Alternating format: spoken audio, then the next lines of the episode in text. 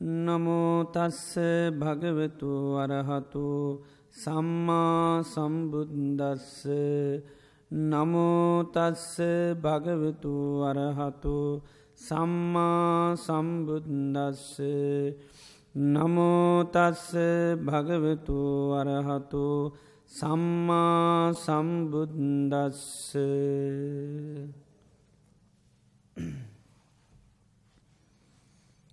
සාදුභික්කවේ කාලීන කාලං අපටිකූලේ පටිකූල සංඥී විහරයාති.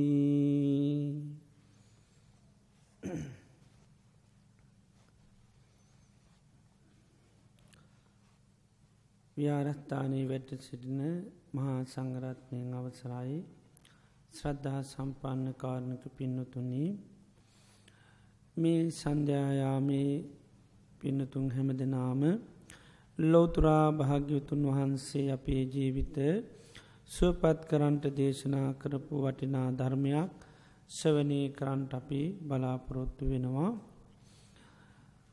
ඒ සඳහා අපි මාර්ථකා වසයෙන් ප්‍රකාශ කරන්ට යෙදනු ඒ සූත්‍ර දේශනාවක පාටයක් මේ දේශනාව සඳහන් වෙන්නේ අංගුත්තරනිකායේ පංචක නිපායට අයිති දේශනාවක්.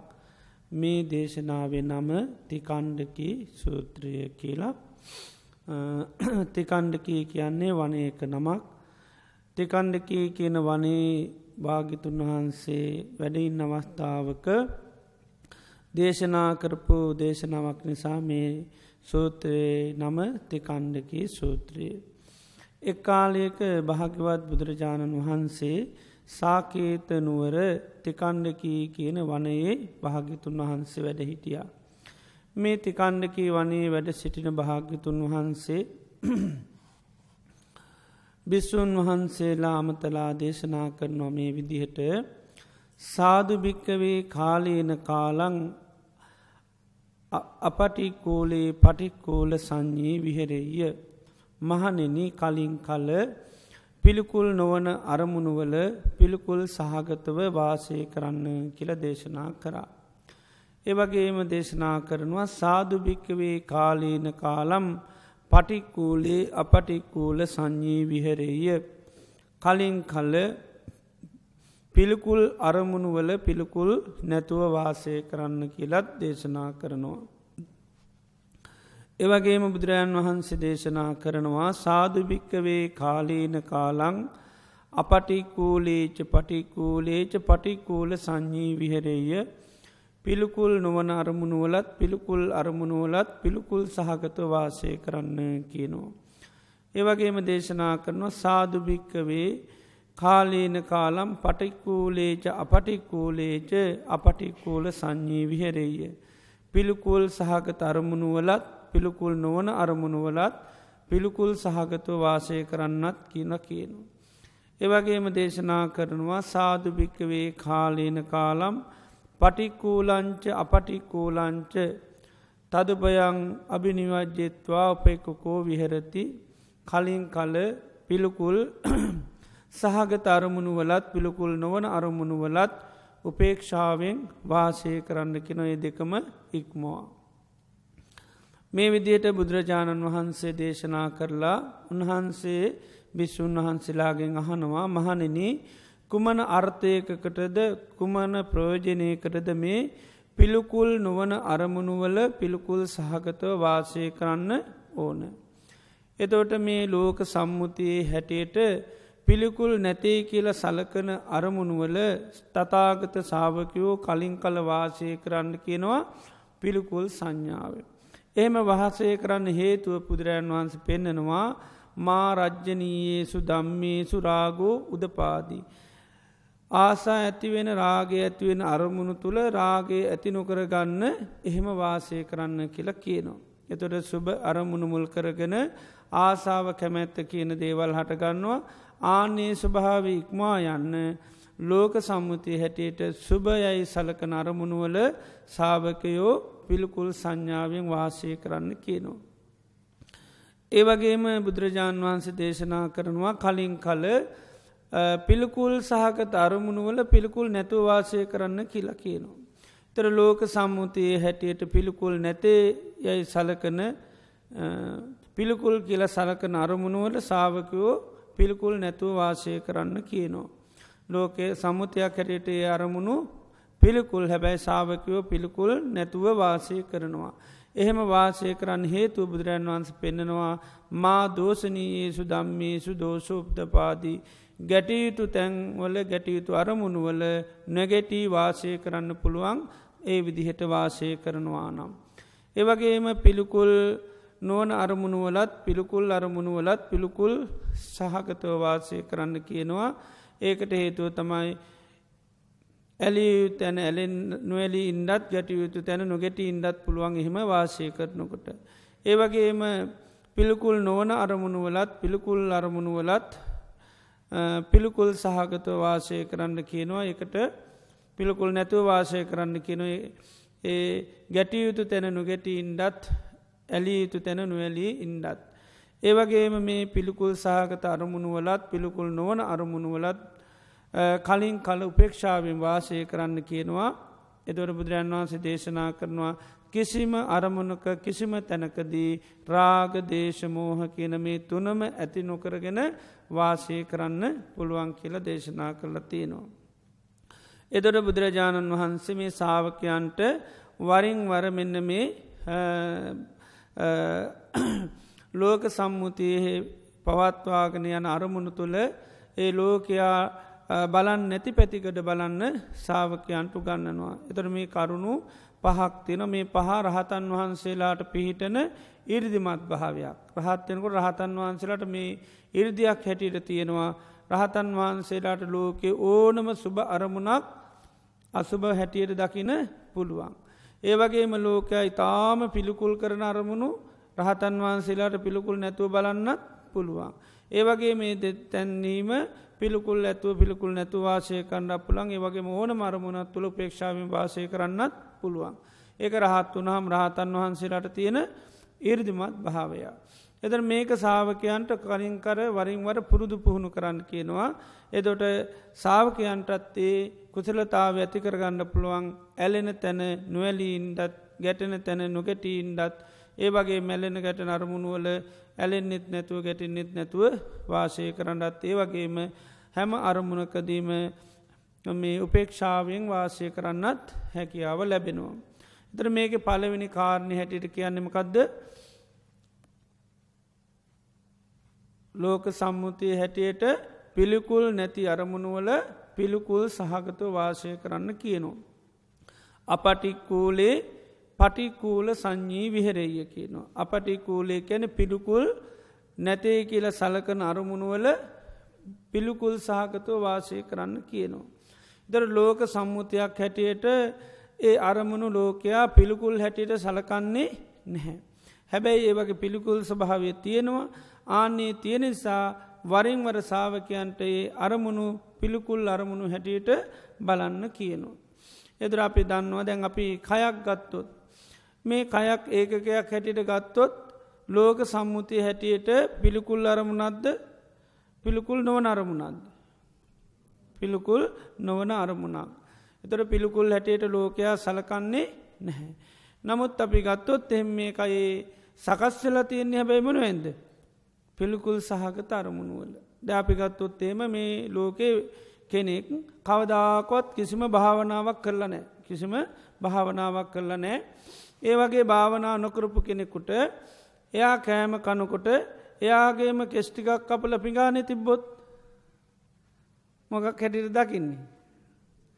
අසුභ හැටියට දකින පිළිකුල් හැටියට දකිනවා. කවදාකො භාවනා කරලා නෑ. එතට එයාගේ ශරීරයේ ඕනම කොටසක් ගලවල තිබොත් දත් ටිකක් කරි නියපුතු ටිකක් කරි ඒකක්වත් අර මේ කරපිංච කෑල්ලක් වගේ තියාගන කන්න පුලන්ද. එයාටම හරිම හිරිකිතා පිළිකුලක් අපිරියාවක් ඇති වෙනවා.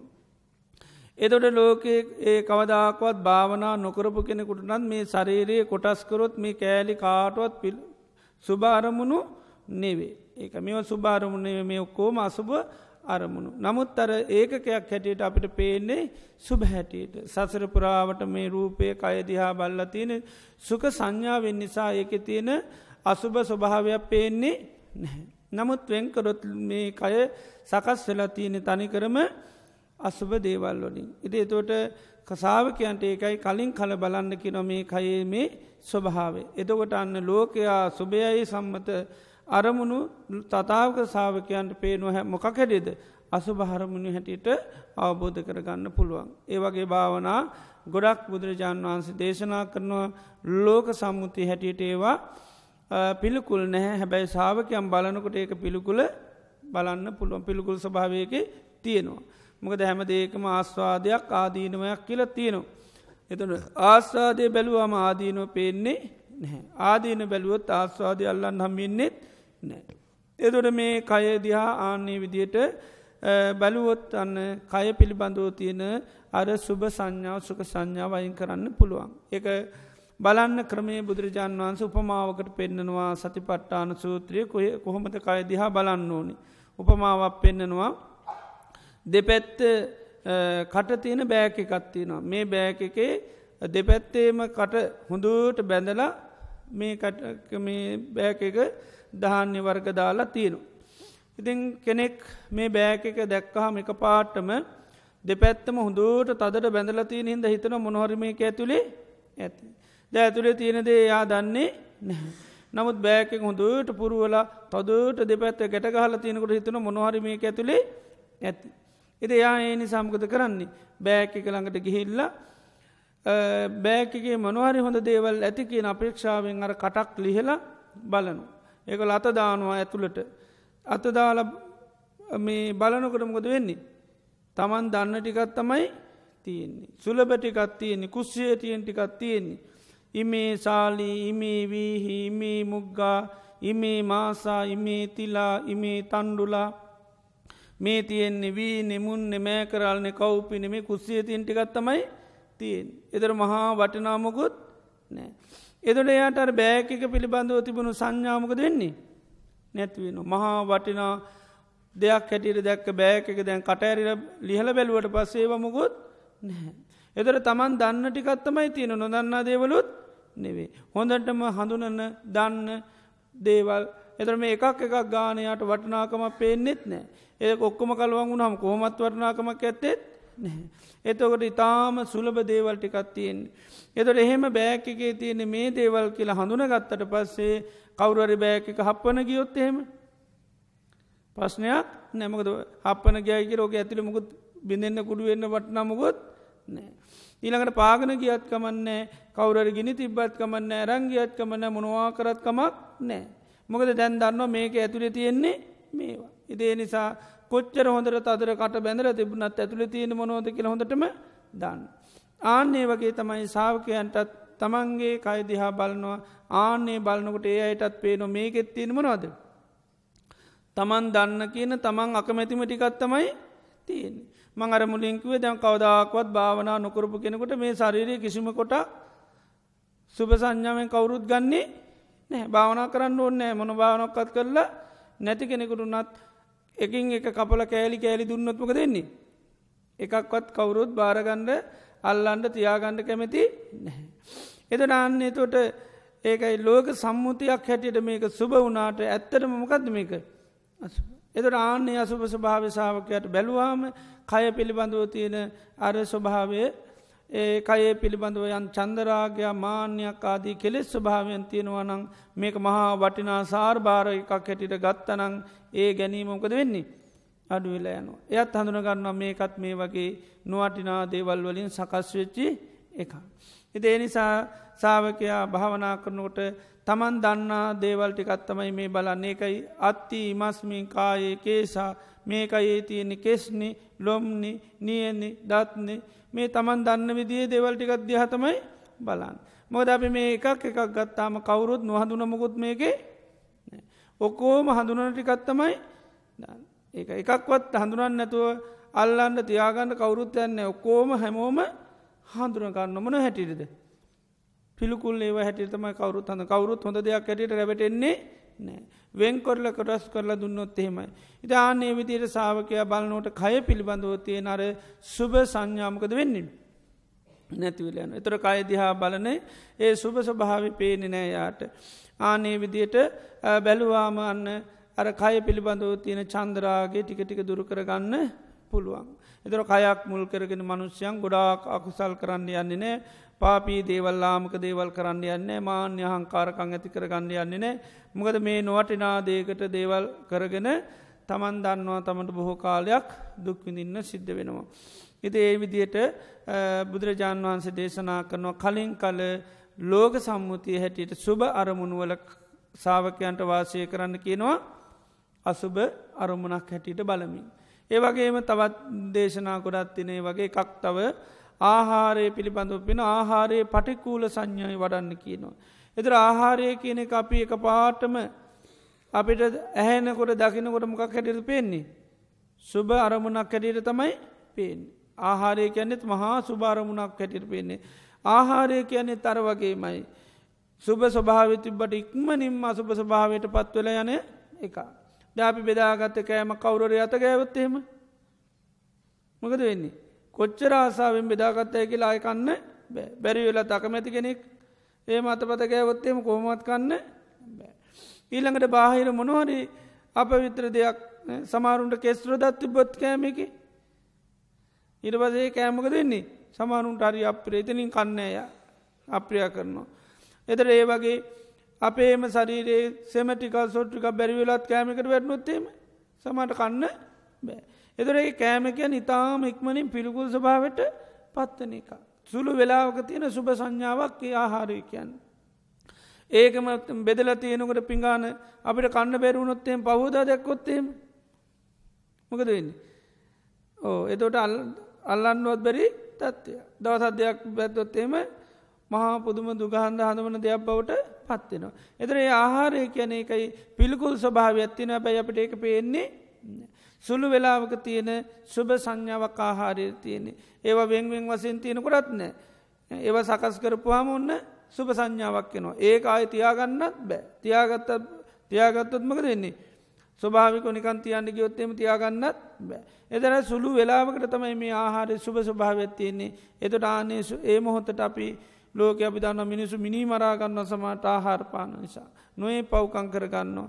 එතරමකදේ දේව පිළිබඳුව අන්න වැටිහීමක් නුවනක් නැතුනාම්. ඉති එනිසා තමයි භාවනා වශයෙන් වඩන් කන්නේ ආහාරයේ පටික්කුල සංඥී කියලා. ඉති මේ විදියට බුදුරජාණන් වහන්සේ මේ ලෝක සම්මුතියේ සුභ අරමුණුවල සතාගත සාාවකයෝ ඒවා බලන්න කියන මොකක් හැටියටද අසුබ හැටියට බලන්න කියනවා. එදෝට අර ඇලෙන අරමුණුවල මොකද වෙන්නේ නොවැලී වාසය කරන්න පුළුවන්. එකයි ඇලුම් ඇල්ම ඇතිවෙන රාගේ ඇතින ආසාාව කැමැත් ඇතිවෙන අරමුණු තුළ නොවැලී වාසය කරන්න හැකියාව තියෙනවා. ඊළඟට බුදුරජාණන් වහන්සේ දේශනා කරනවා කලින් කල වාසය කරන්න කියනවා ලෝක සම්මුතියක් සම්මුතිය හැටියට පිළිකුල් කරන අරමුණුවල සාාවකයෝ වාසය කරන්න කියනෝ පිළිකුල් නැතිව. පිළිකුල් අරමුණු හැටියට දකිින් නැතු වාසය කරන්න කියනවා. හැබැයි ලෝක සම්මුතිය හැටියට ඒවමනවද. පිළිකුල් අරමුණු හරි අප්‍රී අප්‍රසන්න අරමුණු හැබැයි ශාවකය එම අප්‍රිය අප්‍රසන්න භාවයක් ඇති නොකර වාසය කරනවා. ඒක. එතොට අපි දන්නවා දැම ලෝක අපි ජීවත්තන පුද්ජලඉන්නවා තැන් සමහර පුද්ජලයන් පිළිබඳව මිනිසුන්ට අපිරියාවත්තින. හරි අපිරියයි. සමහරු කියෙන මං ඔය මනුෂ්‍යත්තයක ඔය පුද්ජලයත්තයක ඇසරු කරන්න හරිම අපිරිය මං කැමතිනෑ. සමාරු කෙන ඔය මූුණ දිහා බලන්ඩුවත් මං කැමතිනෑ නමහන්ඩ කැමතිනෑ ගමහන්ඩ කැමතිනෑ ඉන්න තැනකට යන්න කැමතිනෑ හරිම අප්‍රිය අප්‍රසන්න භාවයක් පෙන්න්නනවා. එතට ඒ වගේ පුද්ජලයන් පිළිබඳ සමහරුන්ට අප්‍රිය අප්‍රසන්න භාවයක් පේනු. දැන් සමහටකෙන මූුණ හරිම අපිරියයි කියනවා. දැන් ඇත්තර මූුණ ප්‍රශ්නයක්කින්ද අප්‍රිය කියන්නේ නෑ. හොඳට සමල්ලාට හැඩ වැඩ වෙලයින් එවුණට කියන ඔය මූුණ දිහ වන්නම් බලන්න කැමති ඒකයි. එදට අන්න එයාට අර සාමාන්‍යයෙන් ගත්තාම ප්‍රිය අරමුණ යාටමගත් වෙලා තියන්නේ. අප්‍රිය අරමුණක් වෙලා තියෙන හිරිකිට අරමුණ පිළිකුල් සහක අරමුණක් බවට පත්වෙනවා. එදට ත බුදුරජාණන් වහන්සේකින් වන්න සාාවකයන්ට වාසය කරන්න කෙන ආනේ වගේ අරමුණු තුළ ලෝකයා පිළිකුල් කරන අරමුණුවල කොමද වාසය කරන්න කියන්න. පිළිකුල් නැතු වාසය කරන්න කියනවා. ආනේ පිළිකුල් නැතු වාසය කනට මේ පිළිකුල් අරමුණුත් ඒකමක දැතිවෙන්නේ. ගැටුමක් ඇතිවෙන් එකයි. ආනේ ගැටුම අමනාපය නොසතුට ඒව නැතිවෙල යනවා ලෝකයේ පිළිකුල් කරන අරමුණුවල පිළිකුල් නැතුව වාසය කරොත්. දැන් අපි දන්නුවන්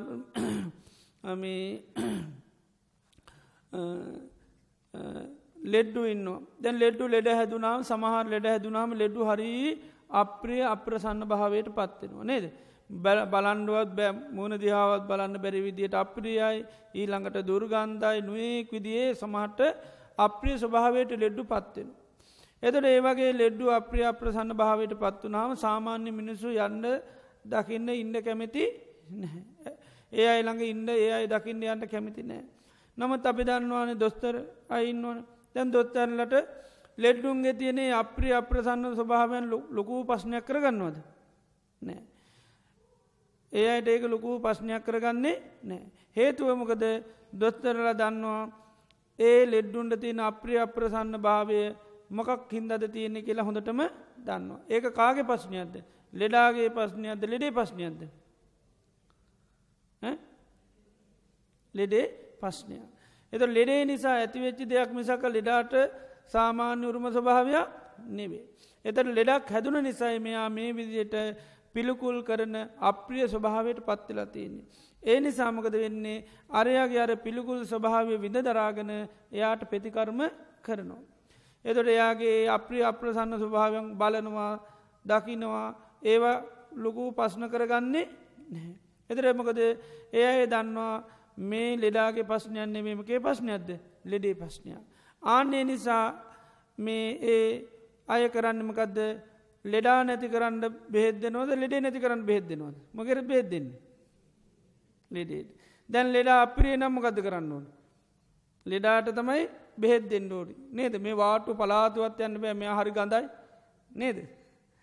දැන්ගේ ගඳ හේතුව දන්නවා. ගඳයි තමයි. ඒවනට ගඳ ඇතිවෙල තින්මකින්දද ලෙඩේ නිසා. ඒසා ලෙඩා ගැටලුවක් කරගන්න ගැටලුවක් කරගන්නමකක්ද ලෙඩේ. ලෙඩේ තමයියට පස්්නේ ඒනි සමගත කරන්නේ? ලෙඩේ නැති කරන්න බෙහෙද නොම සක්කල් ලෙඩා නැති කරන්න බෙහෙද දෙන්නේ නෑ. එනිසා ඉංජසන් ගහන්නේ ලෙඩේට මිසක් ලෙඩාට නෙවේ ඒකයි. එතට එයාට කිසිම පශ්නයක් නෑමේ ලෙඩ්ඩුත් එක එයා ගැටලු ඇති කරගන්නේ නෑ. එතොට එයා දන්නවා මේක හේතුවමකක්ද ලෙඩේ නිසයි ලෙඩා මේ තත්ත්වයට පත්වනේ. ආන්නේ වගේ තමයි බුදුරජාණන් වහන්සේගේ සාාවකයන්ටත් ලෝක පුද්ගල ඇසුරු කරගෙනකොට ආනී තත්ත්වය ඇතිකරගන්න පුළුවන්. ඒ සඳහා කළ යුතු දෙමකදද. මෛත්‍රී භාවනාව කරන්න ඕන. මොකද දේශය අමනාපකම නැති කරන්න ගැටෙන ස්වභාව නැති කරන්න කරන භාවනාමකදද. මෛත්‍රී භාවනාව. ආනේ මෛත්‍රී භාවනා කරන කෙනාටත් අර දොස්තරට වගේ අවබෝධයක් ඇතිවෙනවා මේක කාගේ පස්්නයක්ද කියලා. ලෙඩාගේ පස්්නයක්ද ලෙඩේ පස්්නයන්ත කියලා. ආනේ නිසා පුද්ගලයම් එක තියෙන ගැටුම තරහ අමනාපකම නැති කරගන්නයාට හැකියාව තියෙනවා. එතර ලෝකයා අර පිළිකුල් කරන අප්‍රිය කරන අරමුණුවල ආන්න සාාවකයන්ට වාසය කරන්න පුළුවන් පිළිකුල් නැතුව. එදොට දැන් බුදුරජාණන් වහන්සේ දේශනා කරනවා මනුෂ්‍යයන් දුක්විඳින හේතු තියනවා. එක හේතු දෙකක් පෙන්න්න එකක් කායිකෝ හටගන්න ලෙඩ නිසා මිනිස්සු දුකට පත්වෙලා දුක්විදිනවා. අනිත් එක බුදුරජාණන් වහන්සේ පෙන්න්නනවා මානසිකෝ හටගන්න කෙලෙස් නිසා දුක්විදිනවා. එදර බුදුරජාණන් වහන්ස කියනවා මානසිකෝ හටගන්නේ වත් ඒවටත් කියෙන කෙලෙස් රෝග කියලා. එවත් රෝග කායිකු හටගන්නේ වටත් රෝග කියනවා. හැබැයි බුදුරජාණන් වහන්සේ දේශනා කරනම් මනුෂ්‍යයන් කායකෝ නිරෝගිකම් ප්‍රතිඥා කරන්න පුළුවන් කාල තියෙනු. සමහරු මාසේ දෙක තුන අවුරුද්ධ අවුරුදු දෙක තුනත් ඉන්නවා ලෙඩක් හැදෙන් නැතු. එහෙම මිනිසුන්ට අනේමට අවුරුදු දෙකින්වත් කිසි මසනීපයන් නෑ කියලා ප්‍රතිඥා කරන්න පුළුවන් අයි ලෝකෙ ඉන්නවා. හැබැයි බුදුරජාණන් වහන්සේ දේශනා කරනවා එහෙම කයින් නිරෝගකම් ප්‍රතිඥා කරට මනසින් මිනිසුන්ට නිරෝගකම් ප්‍රතිඥා කරන්න මොහොතක්වත් බෑකෙනවා. එතර කයින් නිරෝග වුණාට හිත්තුලින් හැමෝම කවුද බුදුරජන් වන්සිකන නිරෝගකම් ප්‍රතිඥා කරන්න පුළුවන් කොටස තමයි කවුද රහතන් වහන්සේලා. ඒකයි. රහතන් වහන්සේල පමණ යන ලෝක නිරෝගිකම ප්‍රතිඥා කරන්න පුළන් අනිත්‍යයක් ඔක්කෝම කවුද ලෙඩ්ඩු ඒකයි. එදරන්න මෛත්‍රී භාවනා කරනකොටත් කෙනෙක් මෛත්‍රී සිත පතුරුවනවා අපි දන සබ්බේ සත්තා බවන්තු සුකිතත්තා කියල කන්නමිත සූත්‍රය තියන්නේ සියලු සත්වයෝ සුවපත්වේවා කියල මෛත්‍රී වඩනු. එතර සීලු සත්වයෝ සුවපත්වේවා කියලා මෛත්‍රී වඩනකොට සීලු සත්වයමගේ දින්නේ. දුකක ඉන්ඩුවන් සුවපත් කරන්න නම්මකේ දින්න ඕනි දුකකින්න දැන් දොත්තැල්ල ලෙඩ්ඩු මොකක් කරන්න දෙයන්නේ සුවපත් කරන්න. ඒ මොකක්කින්දද ලෙඩ වෙලා හින්දා. ආනේ වගේ දැන් අපේ මෛත්‍රිය සිතරත් අපි ගන්නමකක්ද. සියලු සත්‍යයෝ සුවපත් වේවා කියලකින එතර සියලු සත්‍යයෝ සුවපත් කරන්න සිරු සත්‍යයත්මක දින්න ඕනි දුකකින්න එතු. එතර ආන්නේ ලෝකයා වැඩල ඉන්න දුක අපි හරියටම හඳුන ගණ්ඩුවන්. එතර අපි සාමාන්‍යයෙන් ලෝකය වැඩලින්න දුක් පේනු. හැබැයි හැමෝම ඒම දුකේ ඉන්නවා කියලා අපිට පේන්නේ එතර මෙන්න මේ මෛත්‍රිය කරනකොට අපි හරියට මඳුන ගන්නවා මොකක්ද ඇත්තට මේ ලෝකය වැරල ඉන්න දුක. ආනේ දුකින් නිදහස් කරන්න තමයි අපි මෛත්‍රී සිත වඩන්ඩෝන. එතර බුදුරජන් වහන්ස පෙන්න්නන නිතරම මිනිසුන්ට තියෙන දුක්විඳන හේතුවම්මකක්ද මේ මානසිකෝ තියෙන කෙලෙස් නිසා. එවන් තොර වෙන්න මිනිස්සු එක රහතන් වහන්සේල හැර අනිත් අයට මොහොතක් අබ්බෑකි නො නිරෝගිය හැටිට ප්‍රතිඥා කන්නේ. ඒනං අර මානසිකෝ හටගන්න ලෙඩ නිසා මුළු ලෝකේම මොකද වෙන්නේ දුක්විඳිනෝන. එදොටාන්නේ මානසිකෝ හටගන්න ඒ කෙලෙස් ස්වභාව නැති කරන්න තමන්න මෙස්සිත පතුරුවන්නේ සබ්බේ සත්තා බවන්තු සුකිතත්තා කියලා. එදරන්න මෛත්‍රී වටන කෙනාටත් අන්න අර පුද්ගලයන්ගේ මේ දුක්විඳන හේතු අහුුණු ගමම් අර දොත්තරට ලෙඩෙකුගේ ස්වභාව වගේ අවබෝධනවා. දැන් ලෙඩා දොස්තරට ලෙඩාගේ පස්්නයක් පේ නැමගේ පස්්නයක් වෙන්නේ. ලෙඩේ පස්්නයක්. ලෙඩේ නිසාන්න අර අප්‍රී අප්‍රසන්න ස්වභාවයන් තියෙනවා ඒකට හේතුව දන්නමකක්කින්දද ලෙඩේ නිසා. ආනේ වගේ මෛත්‍රී කරන කෙනාටත් පුද්ගලයන්ගෙන් හරියට අප්‍රී අප්‍රසන්න ක්‍රියාකාරකම් වෙනවා ආන ඒවා එනකොට එයාට තේරෙනවා මොකක් හින්දද මේ තියෙන්. එතොට මොකක්කින්ද යා දැනගන්නේ හිතේ තියෙන කෙලෙස් රෝග නිසා. එතට මෙන්න මේ කෙලෙස් නිසා මේ පුද්ගලයාගේ මේ වගේ හරි අප්‍රි අප්‍රසන්නකං ඇතිවෙන්නේ. එතට හේතුව කෙලෙස් නිසා එතට එයාටත් තේරුණ මේක කාගෙ දෝෂයක්ද. ලෙඩේ දෝෂයක් මිසක් ලෙඩාගේ දෝෂයක් නෙවේ. මේක පුද්ගල දෝෂයන්න වේ දෝෂකාගෙද තියෙන්. කෙලෙස්වල තියෙන දෝෂයක්. එතර මේ කෙලෙස් යම්තාක් තියෙන තාක් කල් ආනයාගේ දෝෂ තියෙන පුළන් කෙලෙස් නැතිවුණොත් ඒ දෝෂ නැතිවෙනවා. අර ලෙඩාගෙත් එහෙමයි ලෙඩේ තියනතා කල් අර අප්‍රි අප්‍රසන්න ස්වභාවයන් තියෙන පුළුවන් ලෙඩේ නැතිවුණොත් ඒවමුගොත් නෑ. ආනේ වගේ මෛත්‍රී කරන කෙනාටත් ආන්නේ අවබෝධ ඇතිවෙනවා මේක පුද්ජල දෝෂයන්නේ මේක මොකක්ද කෙලෙස් වල දෝෂය. කෙලෙස් තියෙන හිද තමයි පුද්ජලයන්ගේ මේ වගේ ස්වභාවය හටගන්නේ. අපි අපි උදාහරණයක් ඇටට ගත්තොත් අපිගේමු අපිට අවුරුදු දහයකට පහලෝකට විශ්ෂකට වගේ උඩදී අපිට ගොඩාක් කෙනෙහිලකංකරපු දුක්වීඩ ඇතිකරපු කවරුවරන්නවා කියලා. ඒ වගේ කෙනෙක් පිළිබඳව අපේ හිතේ සමහන්ලාට ඕ අමනාපකම තියෙන්ට පුළුවන් සමාරයට කින අනේමන් තරහක් නන්න එවනට මට හරි අපිරියයි. ඇසුරු කරන්න මං කිසිම ප්‍රියතාවයක් නැහැබැයි තරහයම නෑකිල කි නොනේ මගේ කිසිම තරහක් වෛරයක් නන්නේ එනට මං ඇසුරු කරන්න නම් කැමති නෑ. එතර ඒ වගේ හරි අපිරියාවක් හරි සමාට හිත්වල තියෙන්න්න පුළුවන්. එතර ඒ වගේ පුද්ගලයෙක් දැන් අවුරුදු විශ්ෂකට තියකට ඒ වගේ තත්වේ හිටපු කෙනෙක් වර්තමානය අපිට පේනවා සමාල්ලාට බණ භාවනා කරනවා හොඳ දේවල් කරනවා යහපත් වැඩ කරනවා. අපිට ටික කාලයක් යැනකොට පේන මහන වෙලා ඉන්නවා. ද මහන වෙලා හොඳට ප්‍රතිපත්ති පුරනවා. සමාට පේස් බුක් එකේම හැම තැනම දැ යනවා විස්තර. ගුණ කියනවා මිනිස් වරීයට ඉති එහෙම මේ වර්ණා කරන කෙනෙ ටික කාලයක් යනකොට ලොකු ආන්දෝලනයක් වෙනවා. දැන් යා රහතන් වහන්සේ නමක් කියලා. දැන් රහත් වෙලා කියලා කිව්ව ගමන් අපට මොකද වෙන්නේ. අපේ තිබුණු අප්‍රියාවට මොකද වෙන්නේ. ඒක නැතිවෙනවා. එතට ඒ පුද්ජල පිළිබඳව අපිට තිබ්බනං අප්‍රියා අප්‍රියාමක දෙන්නේ නැතිවෙනවා. එත රහත් වෙනකොට එයාගේ මොකක්වත් වෙනස් වෙනෝද. ඇස් දෙක කන් දෙක නාසේ මූුණ මුකුත් වෙනස් වෙනෝද. නෑ. ගමවත් වෙනස් වෙනෝද. ගම වෙනස් නම විතරත් සමට වෙනස් කර ඒත් ගම අරගමම තමයි. එදර පුද්ගලයාගේ වෙනස් වු නමනවදී. කෙලෙස්. ආන කෙලෙස් රෝගටික සනීපුන ඉට පසයා කවුද නිරෝගි පුද්ජලේ ඒකයි. එදර බාන්න දැන් එයත් එක් අපේ තියන අපිරියාව තිබෙන මොකක් හිදද කෙලෙස්සින්ද. හැබැයි අපිට ඒකාල මේක වෙන් වසයෙන් තේරුණේ නෑ. අපිට කාග දෝෂයක් කෙටිට දැක්කේ පුද්ජල දෝෂයක් මිසාක කෙලෙස් දෝෂයක් කෙටිට දැක්කේ නෑ. අර දොස්තරට වගේ වෙන් කරලා ගන්න බැරුණා මේක ලෙඩාගේ දෝෂයක් නෙවේ ලෙඩේ දෝෂයක්. ඒක වෙන්කර ගන්න ඒ වගේ මේ පුද්ගල දෝෂයන් නෙවේ තියෙනමගේ දෝෂයක්ද කෙලෙස් දෝෂයක්. එතර මේ කෙලෙස් තියෙන තා කල් ලැබැයි මේ ආදෝෂයක් තියනු හැබැයි කෙලෙස් නැතුනුත් එහෙම දෝෂයක් නැහැ. නමුත් අපි ඒවා දක ඒ දේවල් වෙනකොට පුද්ගලේ කරා බැලුව මිසක්ක මේ කෙලෙස්වල ප්‍රශ්නයක් හැටිටුවෙන් වසින් දැක්කේ නෑ.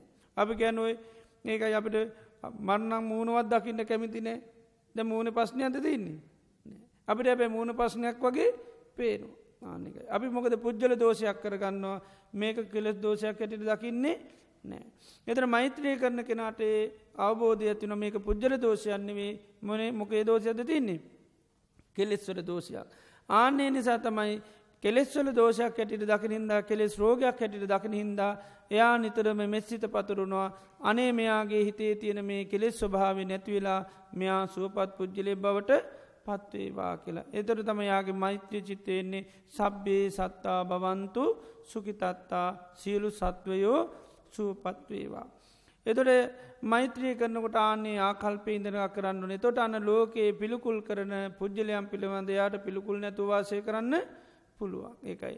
පටිකූලේ අපටිකූල සංඥී විහිරය කියන එකයි ලෝක සම්මුතිය හැටියට පිළිකුල් අරමුණුවල සාාවකයන්ට වාසය කරන්න පුළුවන් පිළිකුල් නැතුව වාශය කරන්න. එතොට අන්න ගැටෙන අරමුණුවල නොගැටී වාශය කරන්න පුළුවන්කම තියෙනු. එනිසා මේ මෛත්‍රී භාවනා කරනට මේ කෙලෙස්වල තින දරුණුකම අපි හොඳට අවබෝධ කර ගණ්ඩෝල්. දැම් බලන්න දොත්තරට දැන් ලෙඩකුට ලෙඩක් හැදුනාම ඒ ලෙඩේ තියෙන දරුණු ස්වභාවයක් දන්නවාද නැද්ද. දන්න. දැන් ලෙඩක් හැදුනාම දන්නවා ඒ ලෙඩක් කියන මේ ලෝක හරි බල සම්පන්න බලවේගයා. කෙනෙකුගේ ජීවිතයට ලෙඩක් වැළඳුනොත් පුද්ගලයා සතු තියෙන සියලූම සත්‍යීන් මොකද වෙන්නේ. නැතිවෙන. සියලු බලයන් නැතිවෙනවා. ඉතාම දුරුවල කෙනෙක් බවට පත්වෙනවා. ඒ ලෙරේ තියෙන ස්වභාවය. අපිකෙම අයෝමය පුරුෂයකුරු ලෙඩක් ඇදෙනවා. එතරමකද වෙන්නේ. එයාගේ තියෙන සත්‍යයමකද වෙන්නේ නැතිවල යන. එතුර හතර පත්දනකට කිව තනීම වල්ලගෙන යන්න කියලා. ධනිතෑ කියනවා දෙහෙම තමසමකට දල්ලගෙන යන්න ඕන කියලා. ඒම කවුරුත් කියන්න යන්නේ එදරමක දන්නවා ලෙඩක් හැදනු ගමන් පුද්ගලයාගේ තියෙන සත්‍යය ලෙඩේට නැති කරන්න පුළුවන් කියලපි දන්න ඒකයි. එතර ඒ වගේ අසරණ ඉතාම දුක්කිත තත්වයකට පුද්ජිලේ පත්වෙනවා. දුකට පත්වෙනවා. ආනේ ස්වභාව අපි දන්න හිද තමයි ඒ වගේ දුරලතාවයන්ට අසනීපකංවලට ලෙඩවලට මිනිස් හැදුනාම අපි හරියට ලෝකයාම අනුකම්පාව දයාව සෙනියස ඔක්කෝම පාන්. දැන් දොත්තර වනත් ඒකයි එයා දන්නවා මේ ලෙඩක් කියන්නේ පුද්ජලෙකුේ ජීවිතයට ලැබෙන ආක්‍රමණයක් බලයක්. ඒ බලය තියන තාකල් පුද්ජලයමකද වෙන්නේ. අසරණ වෙනවා දුබල තත්ත්වයකට පත්වෙන පිළි ඒකයි. එතර අසරණ තත්වයකට වැටුණු නිසා තමයි එයාගේ දුබලකං ගණන්ගන්නේ මොකද දුබලකංවලට හේතුවමකක්ද. එයාගේ ලෙඩේ ඒක එස්සරේ දුබල කන්තිබුන්න හැබැයි ලෙඩක් හැදුනට පස්ස අර වගේ ඉතාම අපිරි අප්‍රසන්නවාදී මහා දුරල ස්වභාවයන්තියනවා. ඒවගේම වෙනත් ආකාරය නොයෙක් දුබල ස්වභාවයන්තිනවා මේ දුරුවලතාවයන් හැමෝ එකටම හේතුම ගදද. ලෙඩේ ආනික එතොර අපි දන්නවා ලෙඩක් යනේ වගේ හරි බලයත්තියන එකක්. ඒ නිසා තමයි මනුෂ්‍යයකුට ලෙඩක් හැදුනාම හැමෝ මනුකම්පා කරලා ඒ පුද්ජලයා සතු තියෙන ලෙඩේ නැති කරන්න සෑහෙන වෑයමක් කරන්න ඒකයි. පුද්ජලයා මොන දුරලතාවේ සමාට හිටියත් ඒව ගණන් ගන්නෙත් නැතුව සමට උදව් කොන්න ලෙඩක් වුණ හම. ඒ එහෙම කරන්නමකද ලෙඩක් කියන්නේ පුද්ජලිකුයි ජීවිතයක් මහා අසරණ තත්ත්වයකට පත් කරන බලයක් කියල දන්න නිසා. ආන්නේ වගේ තමයි මේ කෙලෙස් කියන්නෙත් ඒ වගේ. කෙලෙස් කියන්නේ අර කායික හට ගන්න ලෙඩකට වැඩිය හරි බල සම්පන්නයි. ඊට වැඩිය සියදහස් ගුණයක බලයක් මේ මාංශිකෝ හටගන්න ලෙඩකට තියෙනු. අපි දන්නවා දැන් කෙනෙකුගේ කායක පිළිකාවක් හැදුන කියමු. පිළිකාවක් හැදුන හැදුනොත් ඒ පිළිකාවේ බලය තියෙන්නේ කොතෙද්ද. මේ අයතියන තාක්කල් විතර. ඒ පිළිකා වැරංය පල්රෝගේ උපදීම අපා යනවද නෑ. ඊළඟට ඒ පිළිකාව නිසා උපත ඉඳලා විඳවනවද. එහෙම වෙන්නෙත් නෑ. සංසාරය විඳවන පස්්නයක් ඇතිකරගන්න යන්න පිළිකාව හින්ද. එහෙමත් නෑ. එතර පිළිකාව කියන්න මේ කය තියන තාක්කල් තියෙන ප්‍රශ්නයක් විතරයි. ඒක ඊළඟ ජීවිතයට යට ප්‍රශ්නයක් කරගන්න ඇතු ඕන තර යන්න පුළුවන්. දර නමුත් බුදුරජාණන් වන්සේ දේශනා කරන හැ ධර්මය අනුව මානසිකව යම් මානසික ලෙඩක් කලේශයක් කටගත්තොත් ඒක ඒක යට මේ ජීවිතෙත් විඳවන්න ඕන ඊළඟ ජීවිතෙත් යන්න ඕන ඒකෙන් අපායන්ඩක් පුළුවන් සංසාරය බොහෝ කාලයක් විඳවන ප්‍රශ්නයක් වෙන්න පුළුවන්. ඒකයි. එනිසා මේ සාමාන්‍ය ලෙලකට වැඩිය අන්න මානුෂිකෝ හටගන්න මේ කෙලෙස් රෝගහරි දරුණුයි. ඒක එක ජීවිතයක නෙවේ එක කලේශයක් ක්‍රියාත්මක වුණාම කල්ප ගානක් ඒක නිසා විඳවන පුද්ජලියෙක්. එනිසා මනසේ හටගන්න ලෙඩ මේ කායික ලෙඩ වගේ නෙවේ. ඒකයි. එතොට ඒ මානසිකව හටගන්නේ එකයි කෙලෙස් රෝගයන්ගේ දරුණුකම දකිින් ඕනි. දැන් අර වෛද්‍යවරයකුට එම නැත්තන් අපිට පේනුවක් කෙනෙකුට ලෙඩක් හැදුනාමේක තින දරුණුකම බරපතලකම. ඒ නිසා තම අපි පුද්ගලයන්ට හරියට අනුකම්පාව දයා මෛත්‍රියාදී ස්වභාවයන් පෙන්න්න. එදර ඒ පුද්ගලයන් සතු එකයි අර අප්‍රේ අප්‍රසන්න ස්වභාවයන් තිබ්බත් ඒව කිසි ගානක් නැතුව ගිහිල් ලැප උපස්ථාන කරන්නේ එකයි. ඒවා කිසිවක් ගණන්ගන්නේ නෑ. නමුත් හරිම අප්‍රිය අප්‍රසන්නයි දුර්ගන්ධයි සමාර් කාම්බර පලාතුවත් ඇන්න බැරි තරම දුර්ගන්ධයි. නමුත් ඒවා අපි කාගෙන ගිල්ල ඇප උපත්තාන කරනවා. මොකද අපි දන්නම් මේක හේතුමකදද ලෙඩේ නිසා පශ්නයක්. ඒ නිසා තම අපි දුරුලත ඔක්කොම විඳ දරාගන්නවා. එක්කෝම ඉවසනවා අපි ඒ වෙසී මැති කරගෙන අපි කටයුතු කරනු. ආන්නේ වගේ තම මෛත්‍රී භාවනා කරනකරත් මේ කෙලෙස්වල තින දරුණුක හොඳට අවබෝධ කරගන්නු. ආනී අවබෝධ කරගත්ත ගමම් පුද්ජලයකුට කලේශක් වැළඳිලා තියනකොට ආන්න අපිට යාගේ ස්වභාව හොඳට තේරෙනවා. මේ ලෙඩක් කියන්න ඒකයි පුද්ජලයකුට ලැබෙන මහා ආක්‍රමණයක් ඒකයි. ආක්‍රමණයට යට වුණට පස්සේ පුද්ජිලට කරන්න දෙයක් නැහැ. ඒවගේ මේ කෙලෙස්වර තම බුදුරන් වන්ස පෙන්න්නන ස්වභාවයන් අන්ද කරන අචක්කු කරන අඥ්ඥාන කරන පඤ්ඥා නිරෝධිකෝ විගහත පක්කිකෝ කියනවා. අන්ද කරනා කැනෙ කෙලේශයක් ඕනම කෙනෙකුේ හිතට හටගත්තක මං ඒ හිත කොහෙද තියෙන්නේ. කරුවලක තියෙන් ඒ හිත තනි කරම කරුවලක මුකූත් පේනෑ හිතට. අචක්කු කරනා කැන ඒ හිතට ඇස් නෑ මොන ඇස්ද නැත්තේ. නුව නැස නෑ නුවන කිය නැස් දෙක නැත්විලයන. ඉළඟට පඥ්ඥා නිරෝධිකෝ කියන ප්‍රඥාව නිරුද්ධ කරල දාන. විගහත පක්කිකෝ කියන යා මහා දුකට පත් කරල දාන අර ලෙඩක් හැදුන වගේ. මහා අසරණ තත්ත්වයකට පත් කරල දාන. එදන මේ කෙලෙස් සිතා කටගත්තාම කෙනෙකුගේ හිත ඒ ස්වභාවට පත්වෙනවා.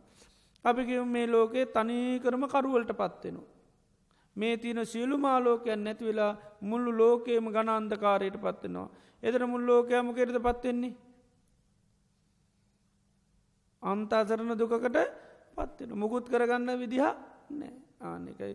තනිකරම කරුවල කරපත්වනොත් තමන් ඉන්න ගෙවල් දරුවල්වත් හොයාගෙනයන් හම්බියෙන්නේ නෑ තමන් කොයද යන්න කියල ඊට පස තමන් දන්නෙත් නෑ ගෙදර කියල හත හිතාගෙන කොහේ අයිද කියල තමන් දන්නෙත් ඒ දරමට අන්දකාරය කියන්නේ මිනිසුන්ට ලැබෙන මොකක්ද පිහිටක්ද පිළිසරණක්ද? මොකක්ද එක මිනිසුන්ට පිහිටක් පිළිසරණක් නෙවේ විශාල දුකක් විපතක් ඇබැද්දියක්.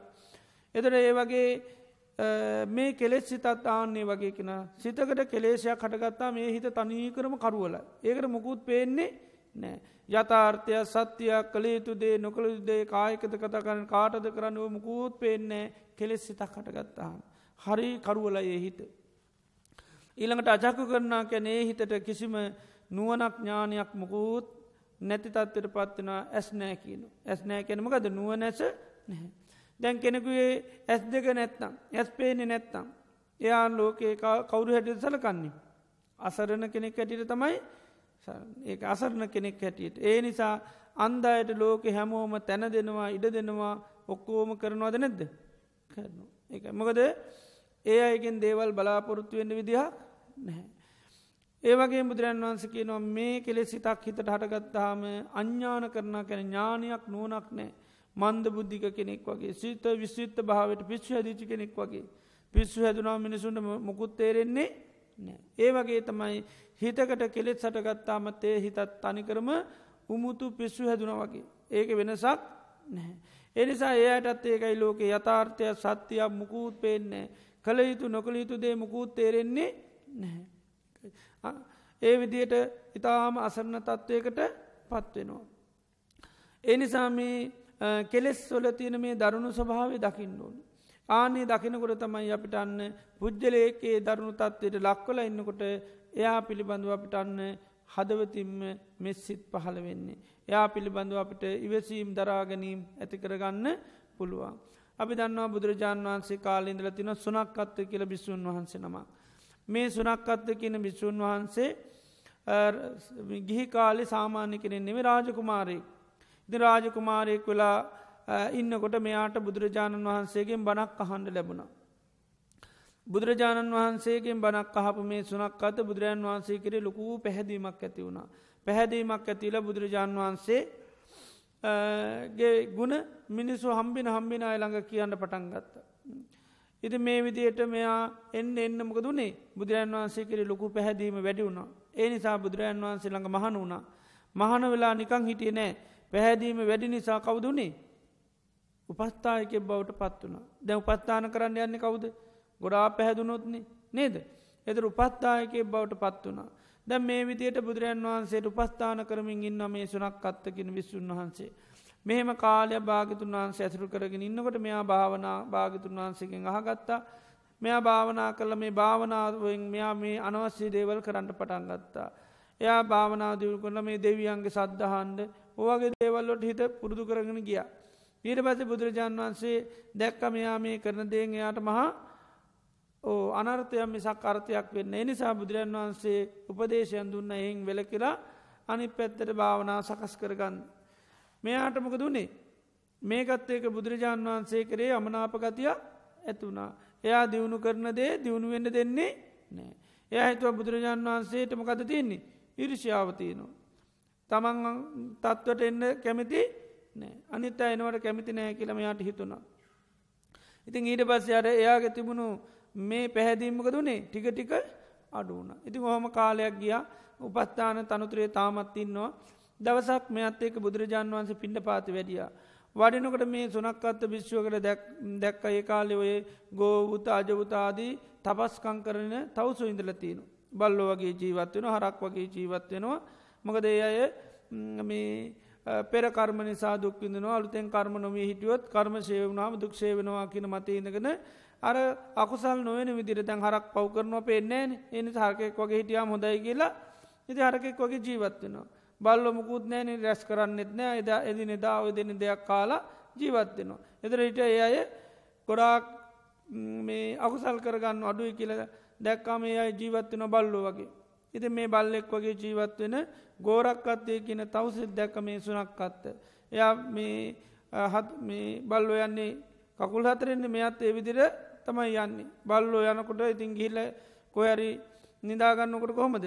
වටයක් කැරකිල තමයි නිදාගන්න. ති මෙත් ඒ විදිර තමයි කරන්න. ඉතින් එ බල්ලු ඇඳුන් ඉන්නෙත් නෑ. මෙයා දැන් අඳුන් ඉන්නෙත් නෑ.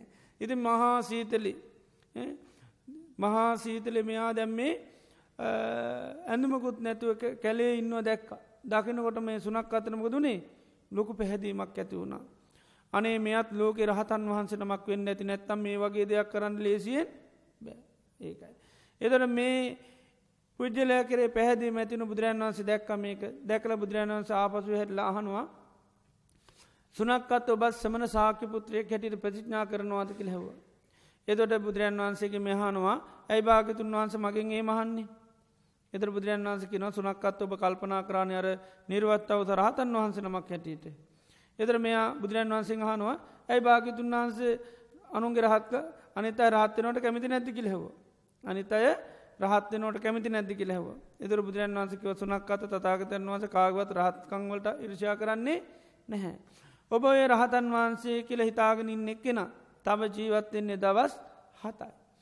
එයා අජීර්ණ රෝගයකින් මැරෙනවා මැරුණට පස්සේ බීරත් අම්ඹක කියන සුසාන භූමියයට මිනිසු ගිහින්දානවා. මැරුණට පස්සේයා ගිහිල්ල උපදිනවා කාලකංජි කියන අසුරපා උපදිනවා. ඔයාට ඕන්නම් මැරුණට පස්සේයාගේ මිනිියෙන්ම අහගන්න පුළුවන් එයා කොහෙද ඉපදුනේ කියලා. ඉතින් දැම් මේ සුනක්කත බුදුරජාන් වහන්සට කිනවා මේ භාගිතුන්ව සෝවගේ කතා කියන්න යන්න එපා බැරිවෙල නොවනුත් බැරිවල නොද තතාගතයන් වහස නිකන් ලැජ්ජාවට පත්වෙනවා. එදර බුදුරජාන් වහන්සේ දේශනා කරන සුනක් අත තතාගතයන් වහන්සේ දෙකේ කතා කරන කෙනෙක් නෙවේ. දෙයක් වෙන දෙයක් සිද්ධ වෙනවා දෙයක් කියනොම සක්කා වෙන දේවල් නොවන දේවල කතා කරන කෙනෙක් නෙවේ. ඉති මේ විදියට බුදුරජාණන් වහන්සේ කිව්වට සුනක් අතර මේක පිළිගන්න බෑ. එයාට උතුනා මේක වෙනස් කරන්න ඕනි. එයට තුන මේක වෙනස් කරන්න ඕනි. එයා මොකද කරේ බුදුරන් වහන්සේත් එක්කම දැන් ඔන්න පිඩ පාති ගිය පිඩ පාති ගිහිල්ලා දානෙහෙමොක්කෝ වන්දල උපත්තානත් කරලා මෙය හවස්යාමි ගියක් අර ගෝරක්කත්ය කියන තවස හම්බීන්. ඉතින් ගිහිල්ලා මේ එයත් ඒක කතා බහ කරලා කියනවා මේ ඔබ ගැන්න සමන ගෞතුව මෙන්න මේ වගේ කතාවක් කිව්වා. ඔහේ තව ජීවත් වෙන්නේ දවස් සතයි කිව්වා. හැබැයි වැරදිල කියවුණා තමස මැරෙන්නේ අජීර්ණ රෝගයකින් කිව්වා. ඒ නිසා දැන් අජීර්ණ වෙන්න මනොවනොද්ද. කෑවත්නි එනිසා තමසේ කන්නඇතු ඉන්න දවස් සතයිනි දවස් සතක් කෑවෙනෑ කියල මැරෙන්නේ නෑ. එහෙම උනොත් අන්න සමන ගෞතුම කියපු ඔක්කෝම වෙනස් කරන්න පුළුව. ඉති එතවට මෙත් ඒකට හරි කැමිති වුණ. ඉර පස මගත් මෙයා කියපු විදිටම මේ ගෝරක් අත්්‍යත්මකද කරේ. දැන් දවස දෙක තුන කන්න ඇතු හිටිය. මෙයාට හතර පා හයින්නකට දැන් ඉන්ඩම බෑ මේ හිතුන මැරණත් කමන්න නැමන් කනවා කියලා කෑ කෑහකමක දුන්නේ අජීරණ වුණ අජීර්ණ වෙලා එවිදිටම මැරුණ මැරුණට පස්ස අර සොහනට ගිහින් දැම්ම.